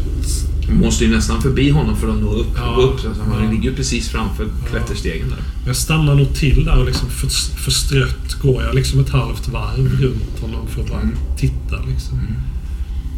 Han är inte så, det är inte så otäckt för att det ser ju overkligt ut. Liksom. Men det är som ett, som ett totalt fryst spöke på något sätt. En fry- fryst bild av, ett spö, av en spöklik eh, Ja. osynlighet i det. Men halvtransparent sådär. Ja, Han ser inte verklig ut så jag, tror jag är inte säker på att du blir jätterädd. nej, nej, det blir jag faktiskt inte. Jag tänker på när man ligger på rygg i gräset och tittar upp på molnen på himlen och ser Mm. figurer i de molnen. Då. Just det. Det är nästan samma sak. Mm. Att det är nästan som ett moln som har kommit in här. Ja, som, men som också är som det liknar något. Just det. Du kommer upp Jag kan nog inte låta bli att vifta lite med handen där. Nej. se om molnet skingrar sig.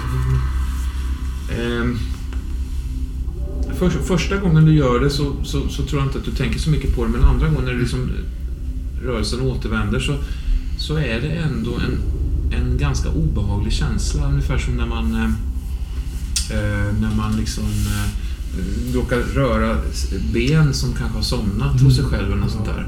Mm. Du vet att man känner det, men, men det är inte riktigt du sådär va, men att det är en, en o- nästan elektrisk känsla sådär. Ja, Det är det nog faktiskt. ja. Ja, Jag, jag prövar att blåsa lite Mm. på den här figuren. Mm.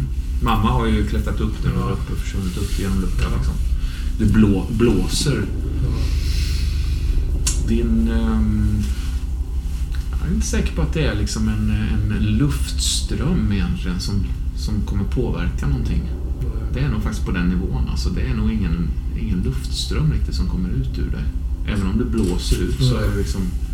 Det är som att det evaporerar med en gång eller någonting. Liksom. Jag blåser ju några gånger men sen bara går det ju upp för mig att jag är liksom tom. Ja, Jag har ingen luft. nej, just det. Alltså det... Precis. Plastlungor som bara Ja. liksom stänger och öppnar sig och sluter sig. Det känns som att hålla en flaska upp och ner och Mm. förvänta sig att det ska rinna ut något. Ja. Men det gör det ju inte. Det är bara liksom ingenting. Nej, precis. så. Just det. Jag blir nog lite irriterad och Ja. liksom... Börjar liksom daska på den här figuren. Ja. Jag, Återigen den Liksom- här stumma, ja. obehagliga känslan av liksom sovande ben. Sovande. Jag börjar nog elda upp mig där lite och börjar liksom Mm. sparka och Ja, stampa i Mm. golvet på Mm. platsen den här konstiga molnfärgfiguren ligger. Du når ju, alltså du når, dina fötter når ju igenom hans liksom bröstkorg Ja. ner i, mot marken. Men det dunsar ju inte i golvet av dina fötter. Det är ju som att de studsar precis innan de når, får kontakt. Liksom.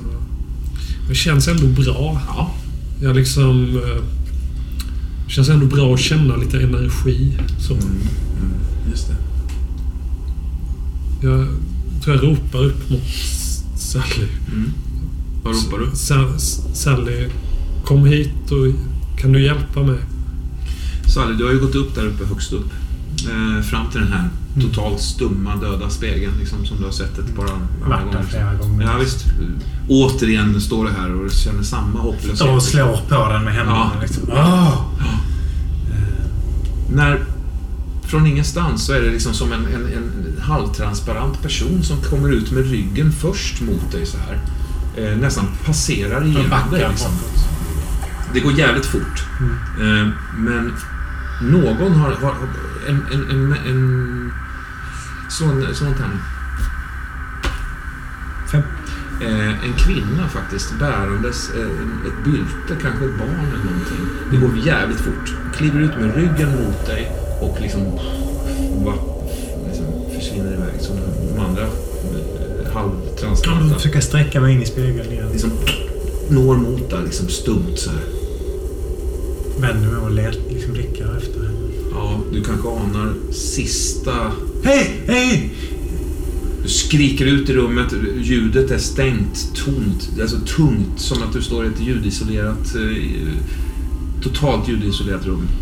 Det är likadant utomhus, liksom. Borta, liksom. Du hör eh, eh, Elisabeths stämma där nere. Mamma, Kom älskling. Jag klättrar ner till Vad gör du? Jag står här och stampar. Jag tänkte, kan du hjälpa mig att stampa här och slå och daska lite på den här? Det är faktiskt konstigt, precis på samma sätt som att den här kvinnan var halvtransparent och klev ut. Här ligger en karl, Mm. fast stilla. Lika, lika i samma skick, så att säga. Samma halv, halvljus. Jag förs- gör en gest för att rätta till locken i ditt hår som har åkt ner i pannan. Men den, jag får inte grepp om den. Så den bara på något sätt glider över. Jag tror inte du känner någonting till älskling. Jag ska gå in och titta på de där papperna som, som ligger i andra rummet. Men Ja. fortsätt du. Jag börjar vifta med armarna.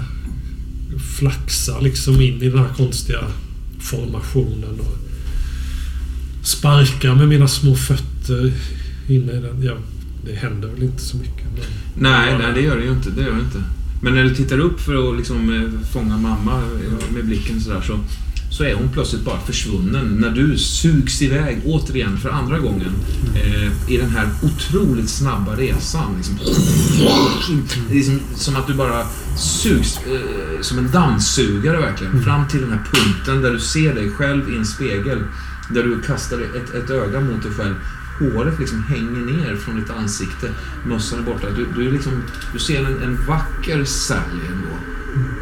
Eller en fri Sally. Eller en an, jävligt annorlunda Sally ser du. Utan Elisabeth. I ett mörkt, mörkt eh, otäckt rum liksom. Det går några sekunder bara. Innan du liksom... tillbaka. Ja. Det var inte lika obehagligt den här gången som förra gången. Skulle jag säga. Jag går bort och så tar jag tag. Alltså jag tar, kan ju inte riktigt ta tag i Sally men jag kan liksom hålla runt dig. Elisabeth. Elisabeth, förlåt. Och så försöka göra det här igen. Du, liksom, du, du, du formar dina händer kring hennes ansikte Mm. liksom, och försöker på något Så att hon ska följa med. Mm. Och så Ni väntar försöka liksom. anstränga mig. Mm, det är som att du vet, du anstränger dig över någonting som du inte är ett piss intresserad av. Det vill säga det händer ingenting inom dig liksom. Trots att du vill. Mm. Liksom. Vad ska hända liksom? Det händer liksom ingenting. Jag bara tittar på dig och väntar. Har du någon spegelyta? Ser du någon spegelyta, Elisabeth? Nej, ja... Jag, jag ser ju... Jag ser mig själv i dina ögon. Titta noga. Jag lutar mig fram liksom, så ska se sin spegelbild. Och jag ser min egen i hennes. Och så, och så försök försvinna iväg härifrån. Försök försvinna Ja, iväg. du ser hur jag liksom kis, kisar med ögonen och liksom mina käkar spänns. Min näsa nuddar nästan varandra. Ja, Nästan. Bara.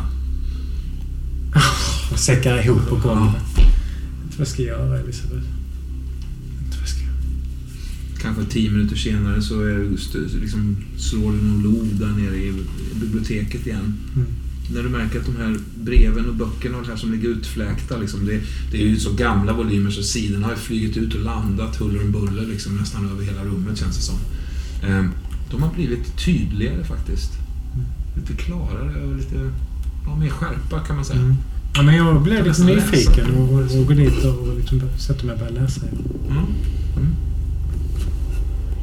Cyrus texten. Cyrus vetenskapliga verk, färdigställt 1908 med titeln Universum est antiversum, är en introduktion till cellular kosmogoni och Dr. Teeds idéer om jordens verkliga struktur. Han ifrågasätter starkt den kopernikanska världsbilden genom att belysa att den aldrig egentligen blivit demonstrerad. Han förkastar också Haleys världsbild som stöld av Cyrus egen anfader Joshua Tids originalmanuskript med skamlösa plagiat förvridna och passat grandiost storhetsvansinne. Hypoteser, skriver han, är fundamentet i all vetenskap om man ser till Standard Dictionaries definition av ordet. Men baserat på ordets etymologi, science skire, to know, borde vetenskap inte kunna vara enbart hypoteser. Vetenskap betyder kunskap, varken mer eller mindre. Det kopernikanska systemet, liksom modellen för våra minsta beståndsdelar, är bara byggt på hypoteser, aldrig blivit demonstrerade. Egentligen borde det inte kvalificeras till att kallas vetenskap. Stora delar av boken handlar om bevisningen av jordens egentliga konkavitet. Arbetet med The Rectilianator, konkavitetsbarometern. Vilket löper fram till det stora experimentet den 26 maj 1908 då Cyrus ansåg sig ha bevisat sin hypotes riktig. Det innebär alltså att jordens yta inte är vagt konvex utan vagt konkav. Vad innebär detta? Cyrus skriver Vi leva likt flugor på insidan av en glob. I tron att det vi har under oss är jord och det vi har över oss är oändlig rymd. Vår sol, månen, våra stjärnor och planeter är i själva verket mycket mindre och mycket närmare än vi har trott. Soluppgång och solnedgång samt himlasfärens olika fenomen är reflektioner från en till hälften lysande till hälften mörk kvicksilverskiva i mitten av vårt sfäriska universum.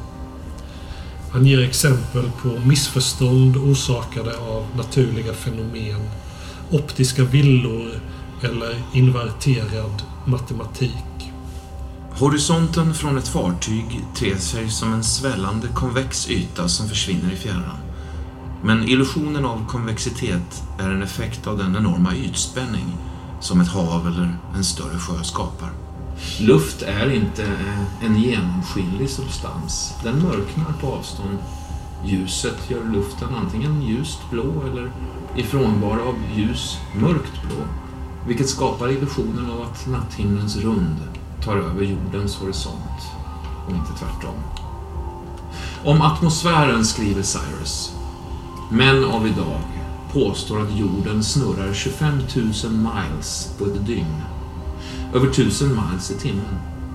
Hur kan någon sund människa tro att jorden, en solid kula med ett tunt lager atmosfär på, kan snurra i den hastigheten utan att denna atmosfär blåser bort eller åtminstone skapar en kraftig motrörelse. Vi lever alltså på insidan av globen som vi kallar jorden. Vi hålls kvar på sfärens insida med hjälp av centrifugalkraften som uppstår av att globen roterar. På utsidan existerar den verkliga ytan där enligt Cyrus de ursprungliga bor. Den värld som genom eoner av kontinuerligt ympande av livsformer långsamt skapat vår egen. Det vi kallar universum är egentligen ingen oändlig rymd utan rymd inuti ett klot, ett antiversum. Världen vi bor i beskriver Cyrus som en ruttnande, alltmer övergödd och kapsejsande värld driven av habegär och förlustelse. En dekadent, vidrig och klaustrofobisk kupa som sväller och långsamt kväver sig själv till döds. Texten avhandlar de olika universa som Cyrus menar utgör skapelsen, eller universum. Det vi kallar universum är egentligen ett slags antiversum. En introvert värld vars horisont egentligen är en illusion. Det versum som är beläget utanför vår sfär, det egentliga universumet, kallar Cyrus för proversum. Cyrus skriver vidare.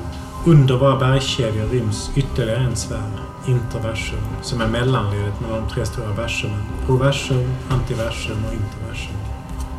Interversum är en mellanvärld. Ledet mellan globens insida och dess utsida.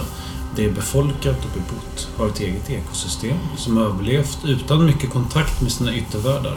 Detta dolda rike har gett upphov till allehanda legender och myter. Men inget underjordiskt rike. Så mycket som ett överjordiskt. Det vill säga en mellanvärld i ledet mot ytan. Från sfärens insida till dess utsida. Utanför globen tror Cyrus att proversum bara är ett av många versum. En liten bubbla i ett väldigt hav. Allt inrymt i ett ofantligt omniversum. Som Cyrus likställer med Gud. Universum i själva verket är varje människa. Vi är varsitt universum, skriver han.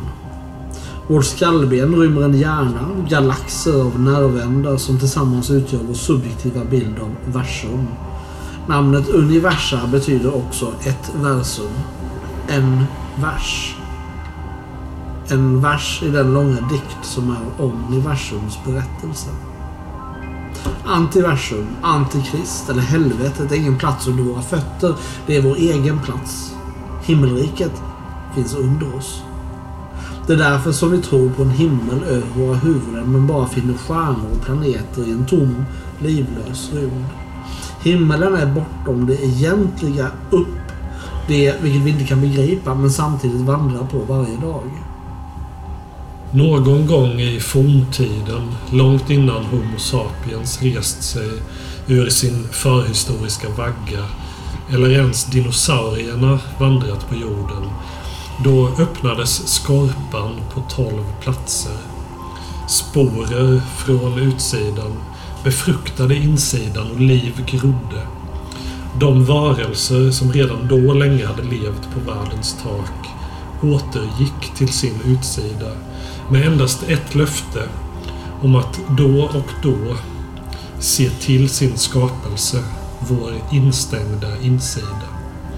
Portarna, egentligen stora lock formade som gigantiska tolvarmade cirkulära symboler, byggdes någon gång i Tellus absoluta gryning och är omöjliga att forcera då de tycks byggda av en slags Lonsdaleite-liknande grön mineral.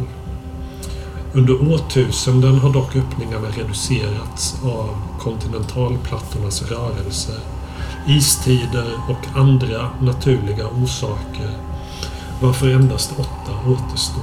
Åtta märken, utgångar till den gamla ursprungliga världen. Den som alltid existerat på utsidan var 4593 år enligt människans uppdelning av tiden ska portarna öppnas, världarna för ett ögonblick återfå sin navelsträng.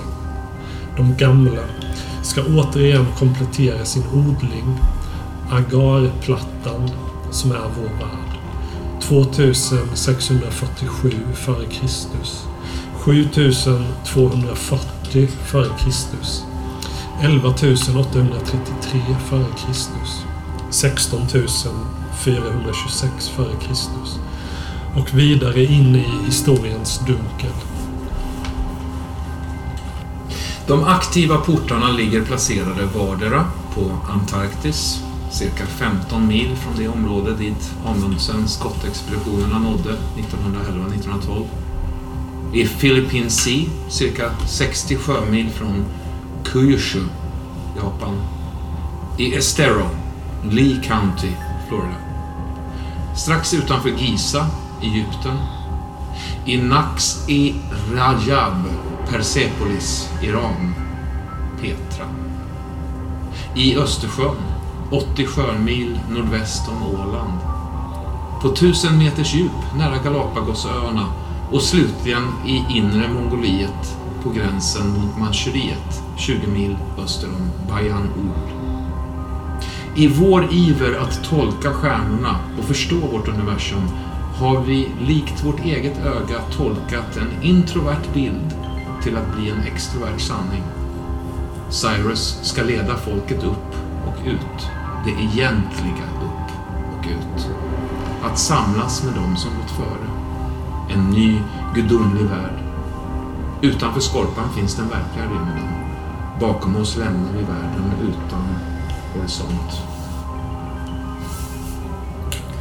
Utdrag ur Koresh Bible skriven under andra hälften av 1890-talet från tidskriften Flaming Sword 23 februari 1898. Koresh Bible är grundande för Dr. Teeds Messias roll för samhället New Jerusalem, Lee County, Florida. Agat visade mig ljuset som var ljud, stjärnorna som var knappnålshuvuden, rymden inrymd i rymd. Likt flugor i en skål vi vandrar skalet och tror att vi vandrar på dess yta, när i själva verket skalet är vår borg.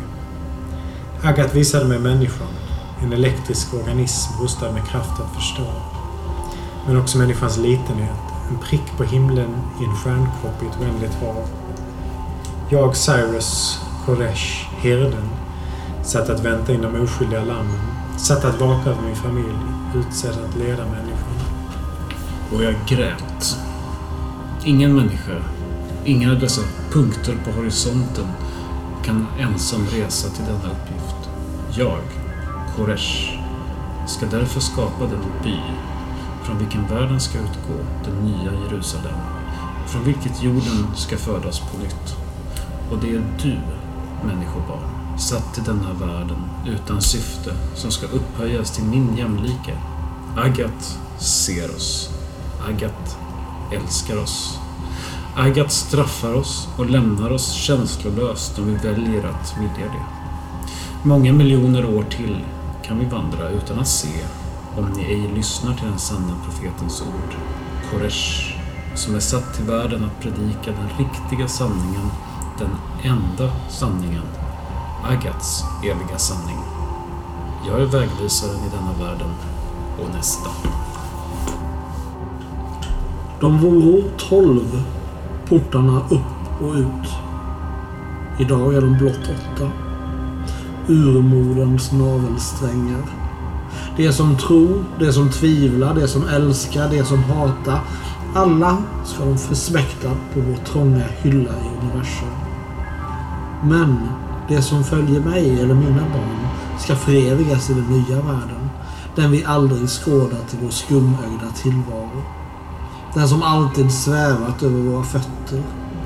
Bidat under våra huvuden. Den värld som är den egentliga världen där våra bakterier fötts ur händerna på Agat och de gamla som alltid levat där. De ursprungliga, de som skapat insidan, vårt futtiga antiversum.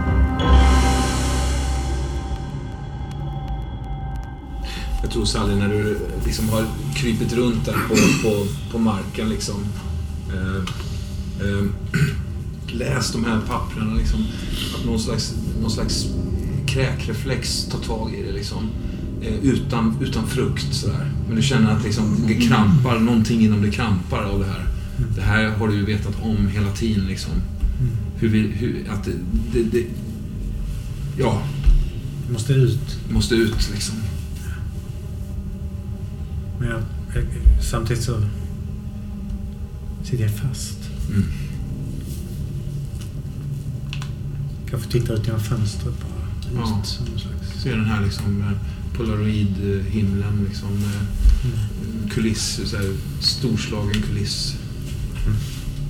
Och liksom här krampen växer genom det. Liksom. Mm. Vi, vi kanske klipper där.